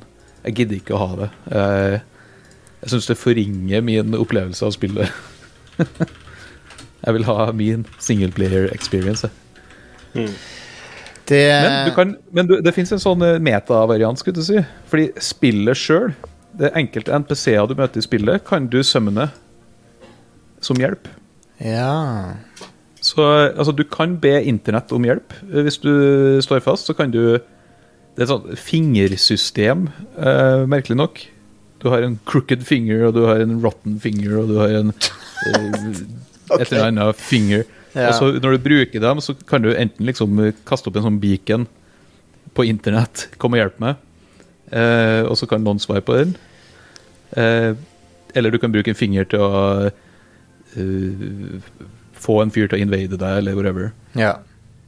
Så eh, kan du liksom få hjelp på den måten, eller du kan få en av de NPC-ene du har møtt, til å komme og hjelpe deg. Ja. Mm. en interessant sånn uh, offline-variant av det. Ja. Um, det de, eh, de hadde vel en ikke, Var det et annet spill som hadde en sånn offline-hjelp òg, men jeg kan ikke helt huske hva det var for noe. Anyway. eh, Erik, dette er veldig bra. Tusen takk for at du har uh, Det er hyggelig. for, Du har sikkert, du har sikkert gleda deg til å fortelle om det.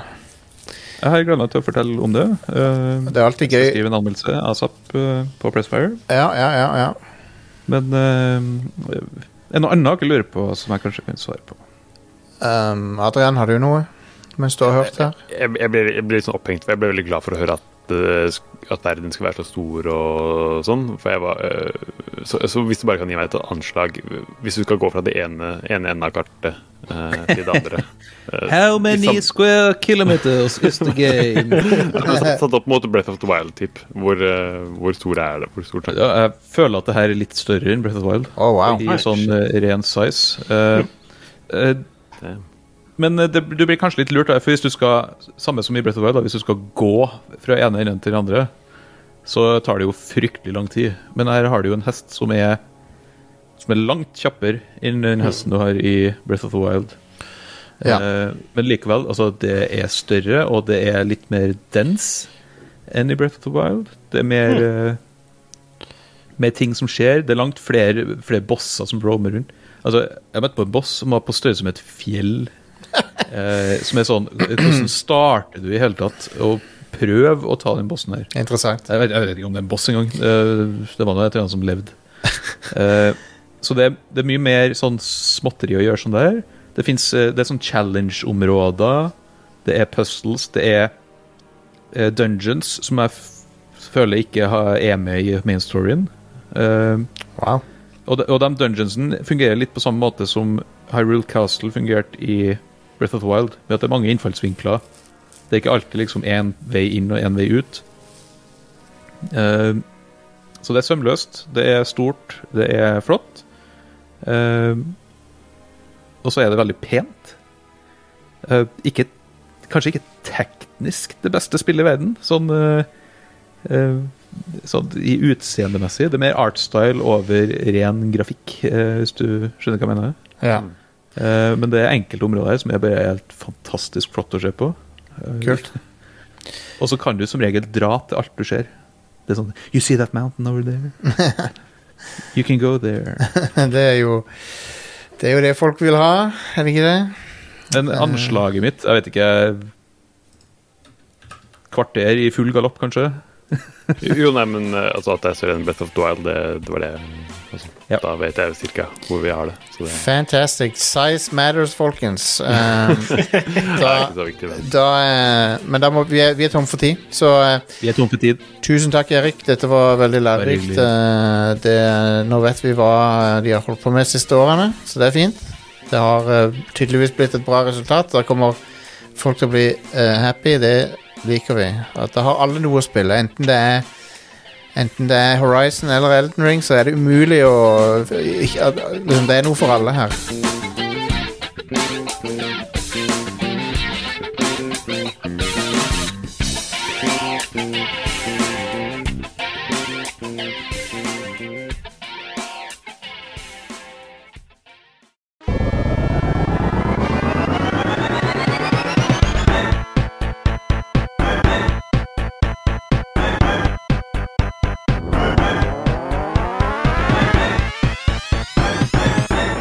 Right, vi er tilbake, og eh, Og bra er det, folkens, for vi har mange ting å snakke om.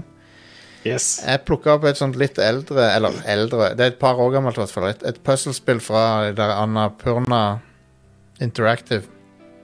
Ja. Det er på GamePass, og alle kan sjekke det ut. Koster ingenting. Annet enn abonnementet. Eh, og det heter Goro Goa, og det er fenomenalt, altså. Det er kjempebra puslespill. Har dere sett noe om det? Det er Nei. har en helt unik stil. Ligner ikke på noe annet. Det er sånn tegninger Veldig surrealistiske tegninger. Det er litt sånn MC Asher-aktig logikk i spillet. Der det er sånne bilder det, det, Hele spillet er et slide puzzle med fire ruter. Med forskjellige tegninger på. Og så kan du kombinere de rutene. Av og til så er det sånn Du har et, et bilde av du har et bilde som inneholder ei trapp langt bak i bildet, og så har du et annet bilde av de fire som inneholder ei trapp som er i forgrunnen. Og da kan du se da kan du kanskje skimte den trappa i det, i det andre bildet, og så kan du zoome inn på den. Og så kan du kombinere de, og da har du plutselig ei- hel trapp. Og så kan hovedpersonen i spillet gå opp den trappa. det er sånn Du må drive og se liksom innover i bildene for å se om du kan matche det med noe annet av de fire bildene. Huh. Og så har det en story òg, som er ganske interessant. Det er sånn det, Ja, jeg skal ikke røpe noe, for det er ganske sånn Det har et par nivåer til seg. Um, Kult. og det er veldig Ja, det er, det er Det det minner meg mest om, er noen av de perspektivtingene i The Witness. Mm. Der du av og til er sånn Du plutselig ser riktig perspektiv, og så faller alt på plass, liksom. Det, det, Jeg elsker stilen til dette. Det ser Ja. jo helt nydelig ut. Ja, jeg fant også fram nå. Det ser helt sykt ut. Jeg, jeg må spille det. Det ser, det ser virkelig ut som noe for meg. Ja, det er, og det er imponerende kommet på. Det er, sånn der, eh, det er på nivå med sånn som puzzles som Jonathan Blow lager, vil jeg si. Mm. Er det like vanskelig? Det er ikke like vanskelig som, som det verste han lager. Men det er, det, det, er no, det, det, det er nok til at du må vri skallen litt, altså. Mm.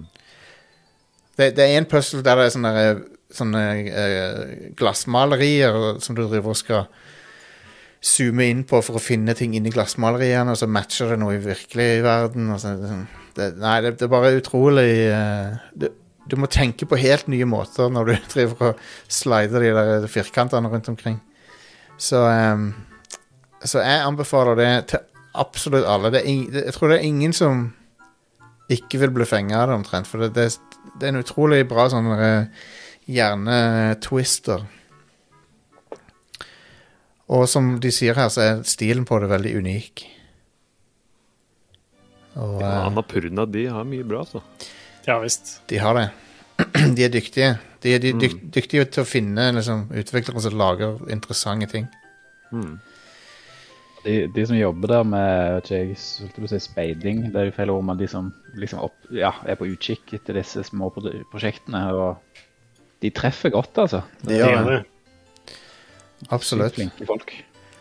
Så, så dette spillet har en story som er fengende og interessant, og så en, han, forteller De sier det der med tu, et bilde sier mer enn tusen ord og sånn. Det, det stemmer i dette spillet i hvert fall, for det er sånn Spillet er basert kun på bilder. Det er ikke noe språk i det. Men allikevel så skjønner du hva storyen er. Så eh, utrolig fascinerende. Jeg er veldig imponert over dette spillet. Jeg har satt det på nedlasting nå. Good, good, good. Du, ja, du kommer til å digge det. Garantert. Når, når du finner en løsning i det spillet, så er det sånn Hvorfor så jeg ikke det? Ja, fantastisk. Ja. og det er bare så konge. Um, en annen ting jeg har testa før vi går videre til litt større ting. Uh, Cyberpunk 2077 eh, har fått en next gen, uh, eller current gen patch, kanskje jeg skal si. Ja. Og Jeg har um, mange sier at dette er sånn det skulle vært når det kom ut. et, la oss si det sånn, da. Det har kanskje ikke alle de tingene de lovte selv nå.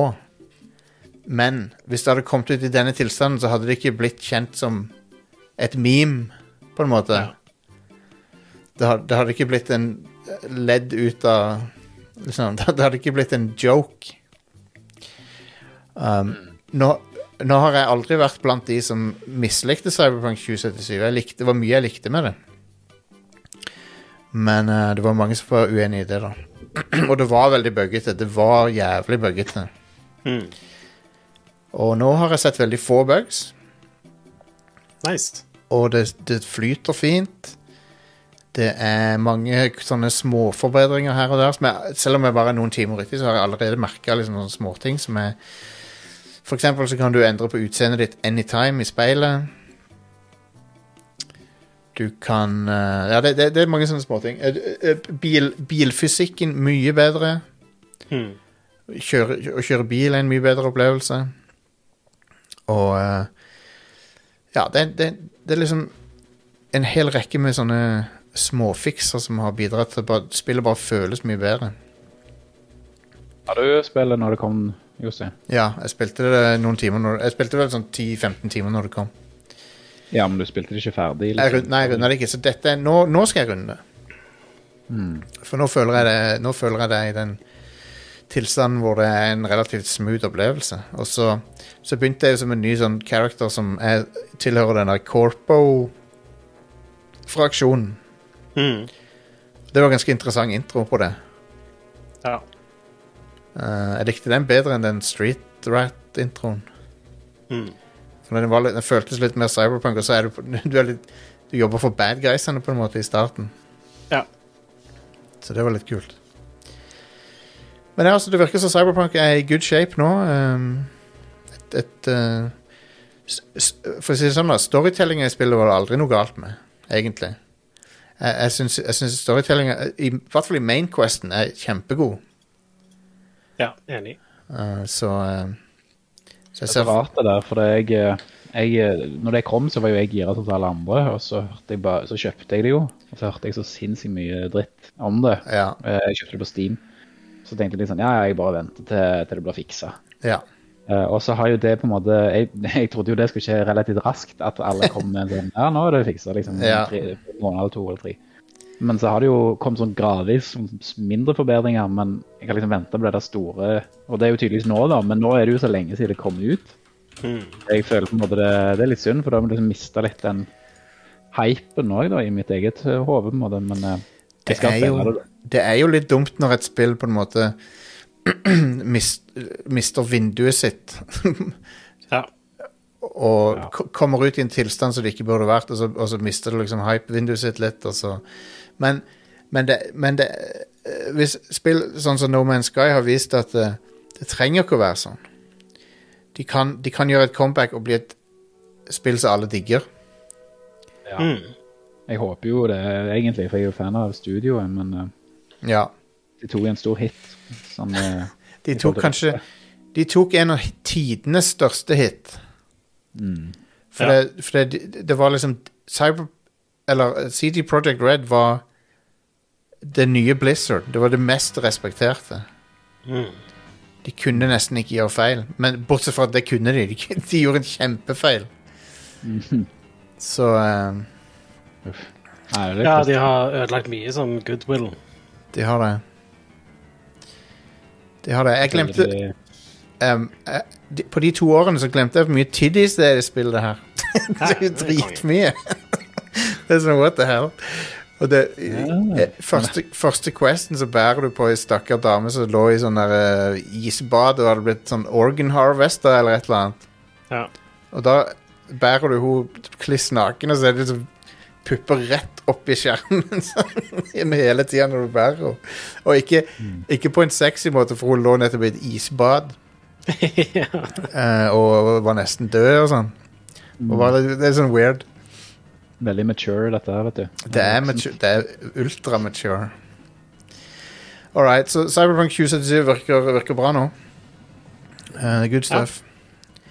Are, du har, en, du har spilt Cyber, uh, Horizon Forbidden West. Jeg er litt spent på å høre hva du syns, egentlig.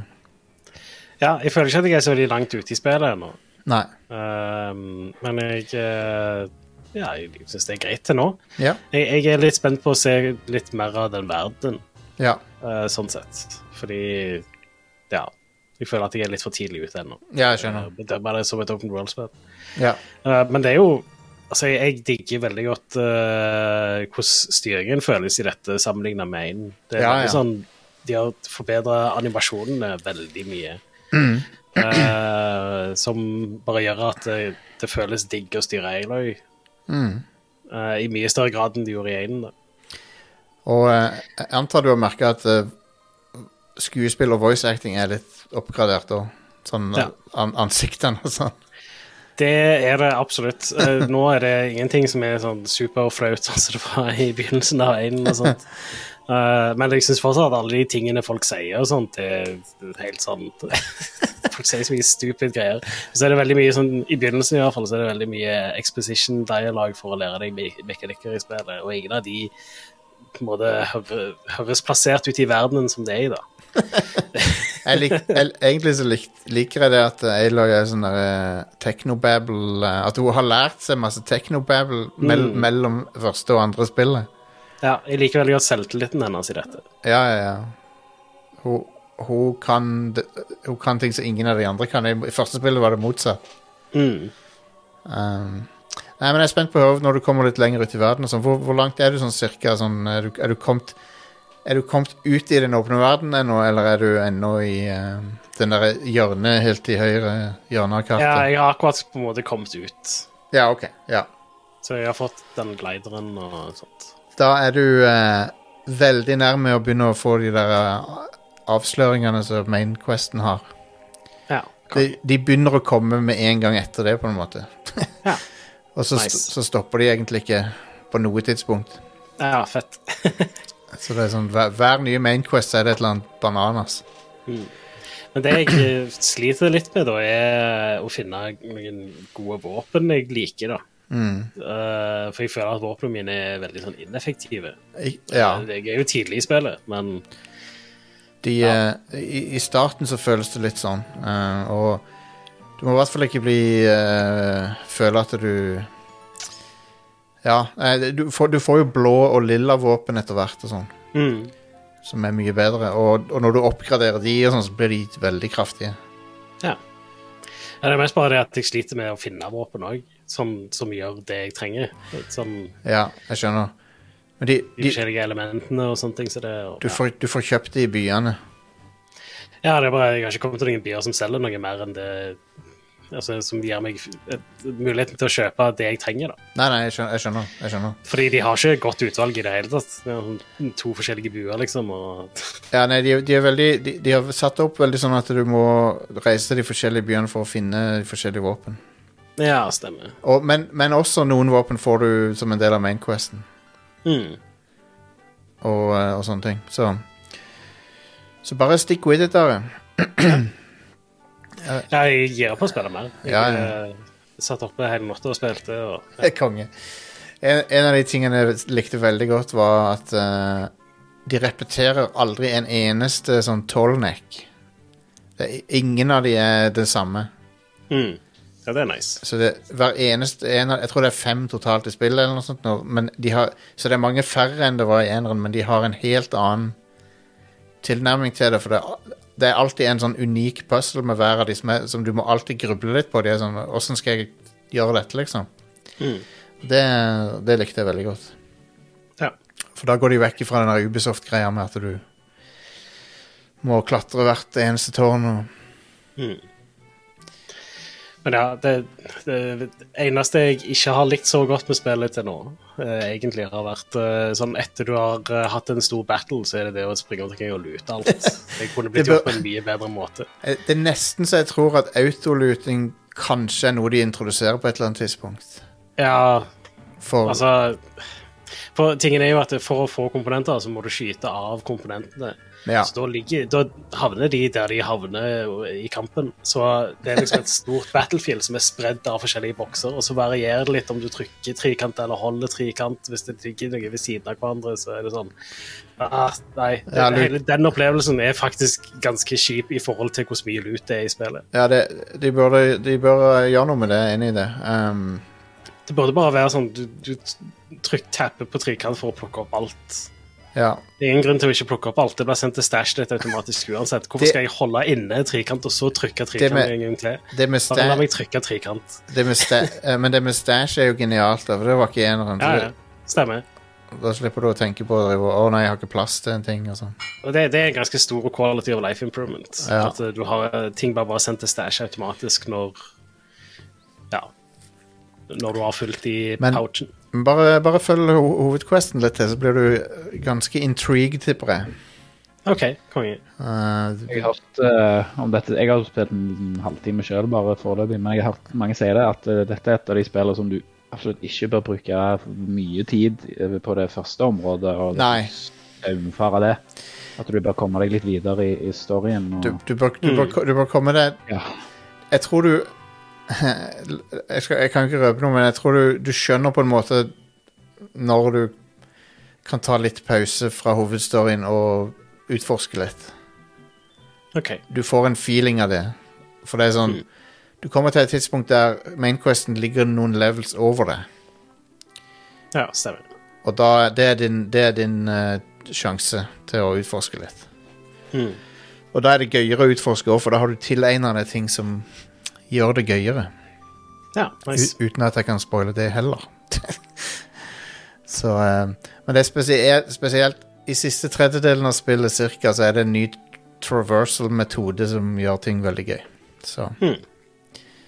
Det eh, Som jeg ser andre har bare straight up posta bilder av og sånn. sånn. Så det er tydeligvis ikke regna som en spoiler, men jeg, jeg har ikke lyst til å avsløre det. Jeg har dessverre fått det røpt, men Ja. jeg skal ikke si Nei. men det er i hvert fall utrolig gøy. Uh, nei, men da er jeg spent på å høre mer når du har spilt mer. Yeah, jeg er gira på å spille mer. Mm.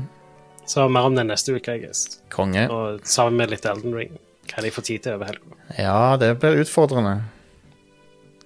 Få til begge deler. Ja, jeg skal nok se Nå har jeg ferie, så Ja, jeg det- har det tid til å spille Horizon. Ja, det er sant. Det er sant. Ja, nå må du bare legge Jeg deg, må bare sette deg ned og ja. Legge deg i selen her. Jep. Du, for du, der du er nå, du har ikke kommet til noen cauldrons heller ennå, du? Jo, jeg har tatt en, en cauldron. Ok, ja. ja. Det er jo en, det, det er en De òg blir bare awesome etter hvert. Um, Det er jeg fant den med å utforske, liksom. Ja, stemmer. Jeg, jeg fant den ikke før, før jeg kom Den første cauldronen min var en del av Mainquesten, så jeg, jeg, jeg tok de i litt annen rekkefølge. Mm. Eh, Magnus, du har spilt et av mine favorittspill fra siste året. Det var eh, Guardians of the Galaxy. Ja, stemmer. Yeah. Jeg, eh, jeg har holdt på med det. det. Jeg har hatt en sånn periode der jeg egentlig har spilt litt mindre, så, så det går litt sånn sakte. Men, eh, eh, og så har jeg, men det som ofte skjer med meg vanligvis når jeg spiller et spill over lang tid, det har vel kanskje vært en måned nå, eller noe sånt, så, så pleier jeg ofte å miste interessen og droppe ut litt. Men eh, men det er liksom sånn, det spillet her eh, koser jeg meg med hver gang, altså. Nice. Jeg syns det er veldig, veldig bra. Ja, enig. Um, og det, ja, jeg er vel kanskje tre fjerdedeler ferdig nå, sikkert. Eh, og koser meg sykt. Eh, ja, jeg, jeg tror, tror litt av det er rett og slett bare den der camaraderie-følelsen. Altså at du alltid har Mm. med deg teamet ditt, liksom. Det, det er så gøy. Det er det. Jeg trenger bare gå og høre på hva de sier. og Noen syns kanskje det blir litt mye, men eh, jeg, jeg syns det er så bra skrevet og sånt. At, eh, Det er bare nesten Ja, for jeg, jeg, etter hvert så begynte jeg å like disse bedre enn filmversjonene av karakterene. Ja, jeg òg.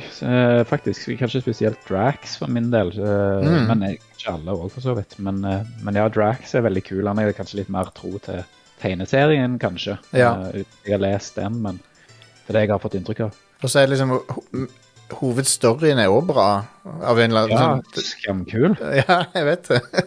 Og nei, jeg er, så, jeg er kjempeimponert. Og det er liksom Jeg hadde litt sånn inntrykk av at dette var et gøy, liksom quirky, ganske bra spill. Og det, og det er det jo òg, for så vidt. Men Mm. jeg ble sånn overraska over produksjonsverdien og, og liksom cutscenes og, og de varierte lokalene Eller dette er ikke det på norsk, men eller miljøene. Ja, ja, ja. Med de der alien-skip og basene. Det er jo kjempekult. Det er sånn, Jeg sammenligner det litt med Mass Effect um, sånn, sånn som Mass Effect 2 føltes uh, den gangen, når det var stort. Mm. Ja, absolutt. Uh, nei, jeg koser meg sinnssykt.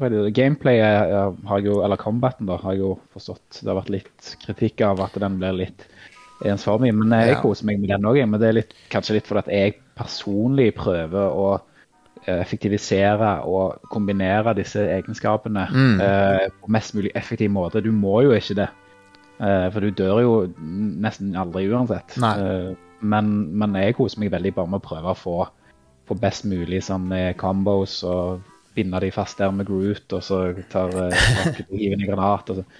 Så jeg koser meg ofte litt med det, men, men jeg vet at noen må ha litt mer sånn Ja. tvang. Eh, på en måte at de, de bruker ikke hele arsenalet hvis ikke de må. Nei. Nei, det er, det er sant. Jeg har, jeg har, eh, jeg har samme opplevelse som deg. Jeg- Vi ga deg jo dette her eh, Game of the Year, så um. Ja, ja, stemmer. Det hadde jeg glemt. jeg var Jeg var veldig positivt overraska over det. Jeg, jeg, jeg det jeg, jeg skjønte tidlig at det skulle bli bedre enn Avengers, for at det var Mm. Det spillet er bare megaterningkast mega terningkast tre. Ja, ja det rørte jeg aldri. Uh, Um, det. Det er så generisk på alle feil måter. Um, men i dette spillet så er det det at det ikke er skuespilleren, det er ikke et problem i det hele tatt. Nei. Det sånn du, Jeg, eh, for min del så tok det jo bitte litt tid å bli vant med mm, Quill, liksom. For Ja. han er jo et menneske og ser uh, ganske annerledes ut osv. Men det tok liksom ikke vet kvarter, så, så likte jeg han òg. Veldig Ja. godt. Det, det spillet sjarmerer jo med en gang med den der 80-tallsintroen og sånn. Ja, elsker musikken. Og, Ja. nei, det og bra skrevet òg, syns jeg, sånn generelt. Ja, kjempe. Eh, alt manus og Det er sånn P Peter Quill som må bli konfrontert med en del ting som eh, han ikke var forberedt på. Sånn, med Familieting og sånn. Stemmer, stemmer. Det er Nei, vel, det, er altså, jeg koser meg veldig. Og det ser veldig bra ut òg, syns jeg. ja, ja det, PS5. Det ser helt money ut. Uh. Så det er synd at det ikke har solgt så bra. Men jeg så faktisk eh, den uttalelsen som, som dere nevnte, at det ikke solgte så bra. Men, men det, det var jo med en liten sånn asterisk der, eller en liten sånn eh, forbeholdt, eller ikke så negativt som det kanskje kunne vært. Tror den siste uken, men det er jo at det solgte ikke så bra i starten, men at det da visstnok har tatt seg opp ganske Ja. bra. det, Så det kan være de ender opp med å bli fornøyd likevel. det er sikkert en del word of mouth med det spillet. Og jeg tipper at Avengers ødela mye for, uh, Ja. for det. Ja, men det Ja. Avengers er sånn derre sub uh, det, er en rip, det er en Destiny-klone, men den er bare så generisk og kjedelig. Mm. Um, men i tillegg så har du drevet og lekt med et nytt leketøy, har jeg forstått. Ja, ja det, er jo, det er jo litt relevant kanskje når vi, i forhold til streaming-fremtida, så folk kaller det. Så, så har jeg jo altså rett og slett streaming av spill, da.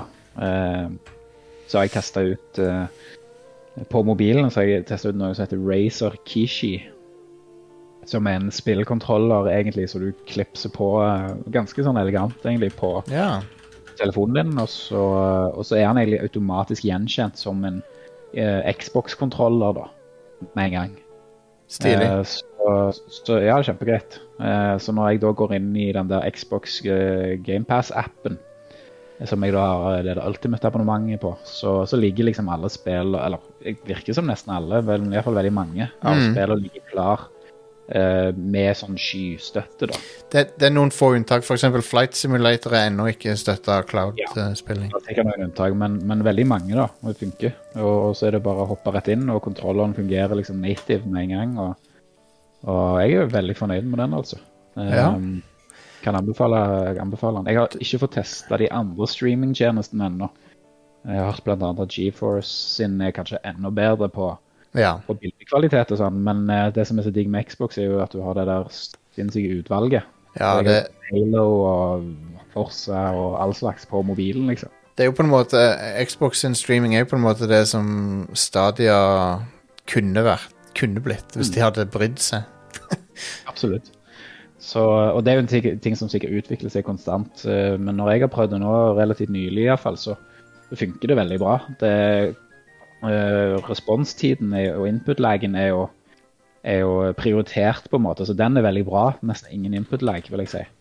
Uh, på mitt nett, hjemmenettverk. Tøft. Men, uh, men så klart, bildekvaliteten er jo litt nedskalert uh, for å oppnå det. Men Det- det er fint. Det er det jeg merker òg, er bildet, og så bitte litt mer latency enn det som jeg liker. Ja, at, eh, er, hvor, hvor du har prøvd det? På, På, på, på Series X. Ah, OK. Ja, det har ikke jeg prøvd. Så det kan jo være at jeg er litt uh, mer tilgivende så jeg sitter med en mobil i hendene. Men uh, på mobilen så føler du, Jeg blir i hvert fall veldig fort vant med den eventuelle input-lagen som er. Ja. Så, Lurer så om er det de- sikkert avhengig av nettet du har, og bla, bla, bla. Så, Det er det jo selvfølgelig. jeg ser for meg jo at det er noen spill hvor det bare ikke du ikke kan spille sånn. Uh, men eh, Mm. hvis det er greit nok for de fleste spill, så er jo det konge. Ja. Ja, jeg syns det, altså. Jeg har ikke prøvd å spille online, liksom, men, uh, er tror du- Jeg kan tenke meg sånn Apex Legends og sånn på streaming er kanskje litt ikke helt optimalt. For det er sånn. Nei, Men, eh, men uh, veldig mange spill er nok helt OK. Ja, jeg anbefaler det. Og ja, den kontrolleren Kishi den eh, fungerer på alle Android-telefoner. Og jeg tror det finnes en iPhone-versjon òg. Og du får liksom triggers og, og, og alt, liksom, Så Konge. du trenger på en kontroller. Og Ja, det, det er ser jo Byggekvaliteten ser jo grei ut, den. Uh, Ja, den er kjempesolid. Det er ganske lett å ta den inn og ut av eh, Men de som har iPhone, bør kanskje se på den som heter Backbone, eh, som er ganske Ja. kjent. Og jeg tror de fleste mener er bitte litt bedre. OK. Men, eh, men den finnes ikke til Android, uh, iallfall ikke når jeg kjøpte for en måned to, eller to siden. Det fins Razer Kishi både til iPhone og Android, men Backbone er kanskje bedre, ja. Okay. Ja, ja stemmer. Kishi finnes til begge, men Backbone er bare til iOS. Og Ja. visstnok kanskje den beste, men jeg tror ikke det er store forskjeller. altså. Du kan ikke bruke det interchangeably, for jeg ser at iPhone har jo selvfølgelig lightning-port. Jepp. Så Men ja, vi er bare påpeker at vi er altså ikke lenger sponsa av Racer. Vi var det litt, grann. vi er ikke det nå, så dette, er- det er ikke, dette er ikke et sponsa segment. det, um, Nei. Nei, jeg, jeg har faktisk ikke fått helt med meg at dere var det. Så vi, var det, vi var det i, i et par, par måneder i vinter. ja, kult, kult. Um, nei, men de, det er, dette så interessant ut. det er, I hvert fall når du kan bruke det med Xbox GamePass. Det er jo en fantastisk kombo. Ja, det er helt genialt. Eh, og så finnes det jo så klart også GeForce Now, for eksempel, som er veldig bra. Mm. Eh, kanskje enda bedre på teknologien, er det mange som sier, men da må du eie spillene Ja. på vanlig måte, typisk gjennom Steam eller ja. Ja, stemmer. Så, eh, og det er jo, jeg har jo så klart et greit bibliotek der òg, så jeg, jeg skal teste det etter hvert. Men, eh, Konge. men det, det som òg er, bare for å avslutte, det er jo at det er jo en ekstrem sånn Hvis du allerede har GamePass, så er det jo veldig lett å gå opp til Ultimate når du får det både PC og konsoll. Og Selvfølgelig. så er det jo i tillegg da eh, skytjenesten, og jeg tror det er 20 eller 25 kroner opp, liksom. Ja. Så det, mens GeForce Now koster jo, koster jo en del.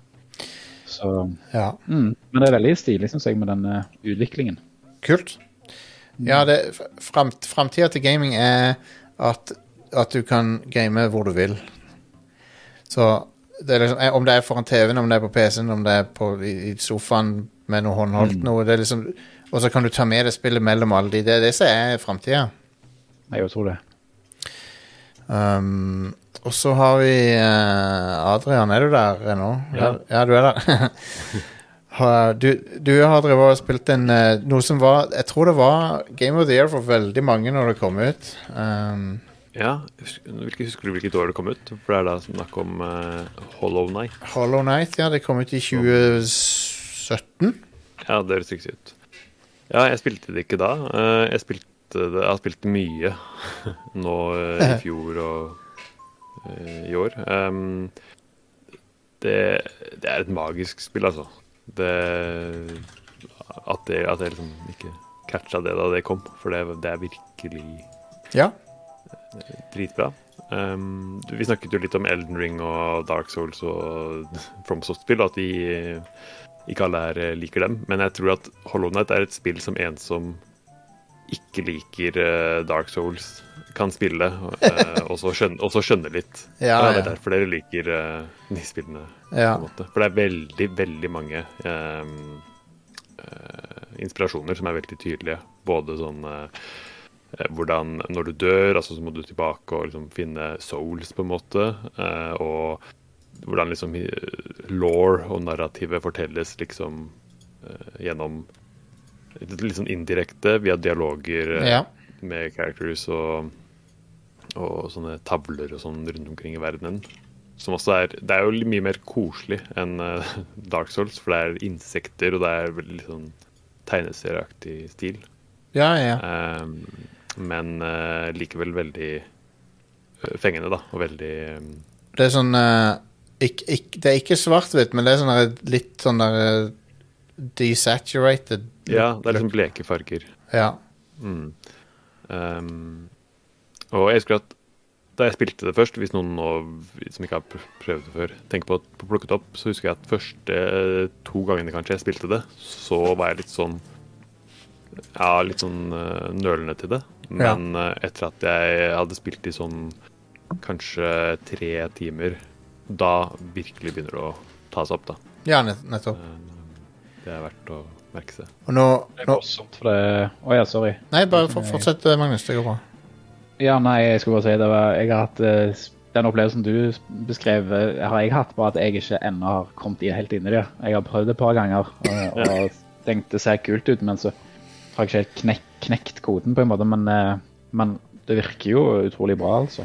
Eh, Og det er jo faktisk òg på GamePass, ikke at vi sponser de eller noe, men så vidt jeg vet.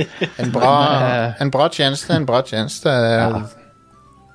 Så jeg har lyst til å spille det mer, men bare kjapt hvor, hvor brutalt er det spillet egentlig på, på at du, liksom når du mister souls og sånn, hvor mye skjer det, og hvor stor eh, ja, Hvor plagsomt er det på en måte når det skjer? Ja, bare sånn til puristene der ute, det heter Geo i dette spillet, da. Men, eh, det, det, men ja. eh, bare sånn at det er sagt. Men eh, det er, jeg vil si det er ikke like ille som i Dark Souls. Um, det er liksom litt uh, lettere som regel å dra tilbake til huben og bruke det opp, fordi det er liksom sånne taxistasjoner rundt omkring. Og Ja. jeg har, jeg har kanskje hatt én i løpet av de over 100 timene jeg har spilt det. Så jeg har kanskje hatt én sånn eh, gang hvor jeg døde og bare mista all geoen min, og hvor det var skikkelig kjipt. Men det er ikke noe som skjer ofte, liksom.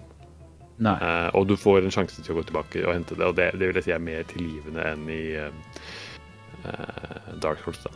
Um, men, men eh, ja, det, det blir bare bedre og bedre, så det gjelder å komme seg gjennom litt starten og oppdage nye områder og prøve noen av de kulere bossene som er litt senere i spillet og, og sånn. Det er jo, eh, jeg har veldig lyst, det er jo mye mer tiltalende synes jeg da, enn enn, eh, de Souls-spillene. Jeg, har- jeg har litt mer lyst til å komme inn i dette. her, Jeg elsker jo Ori, som, som dette blir litt sammenlignet med, men Mm. bare Mm. en annen vri. da. Um, Ja. Så jeg har lyst til å like dette òg.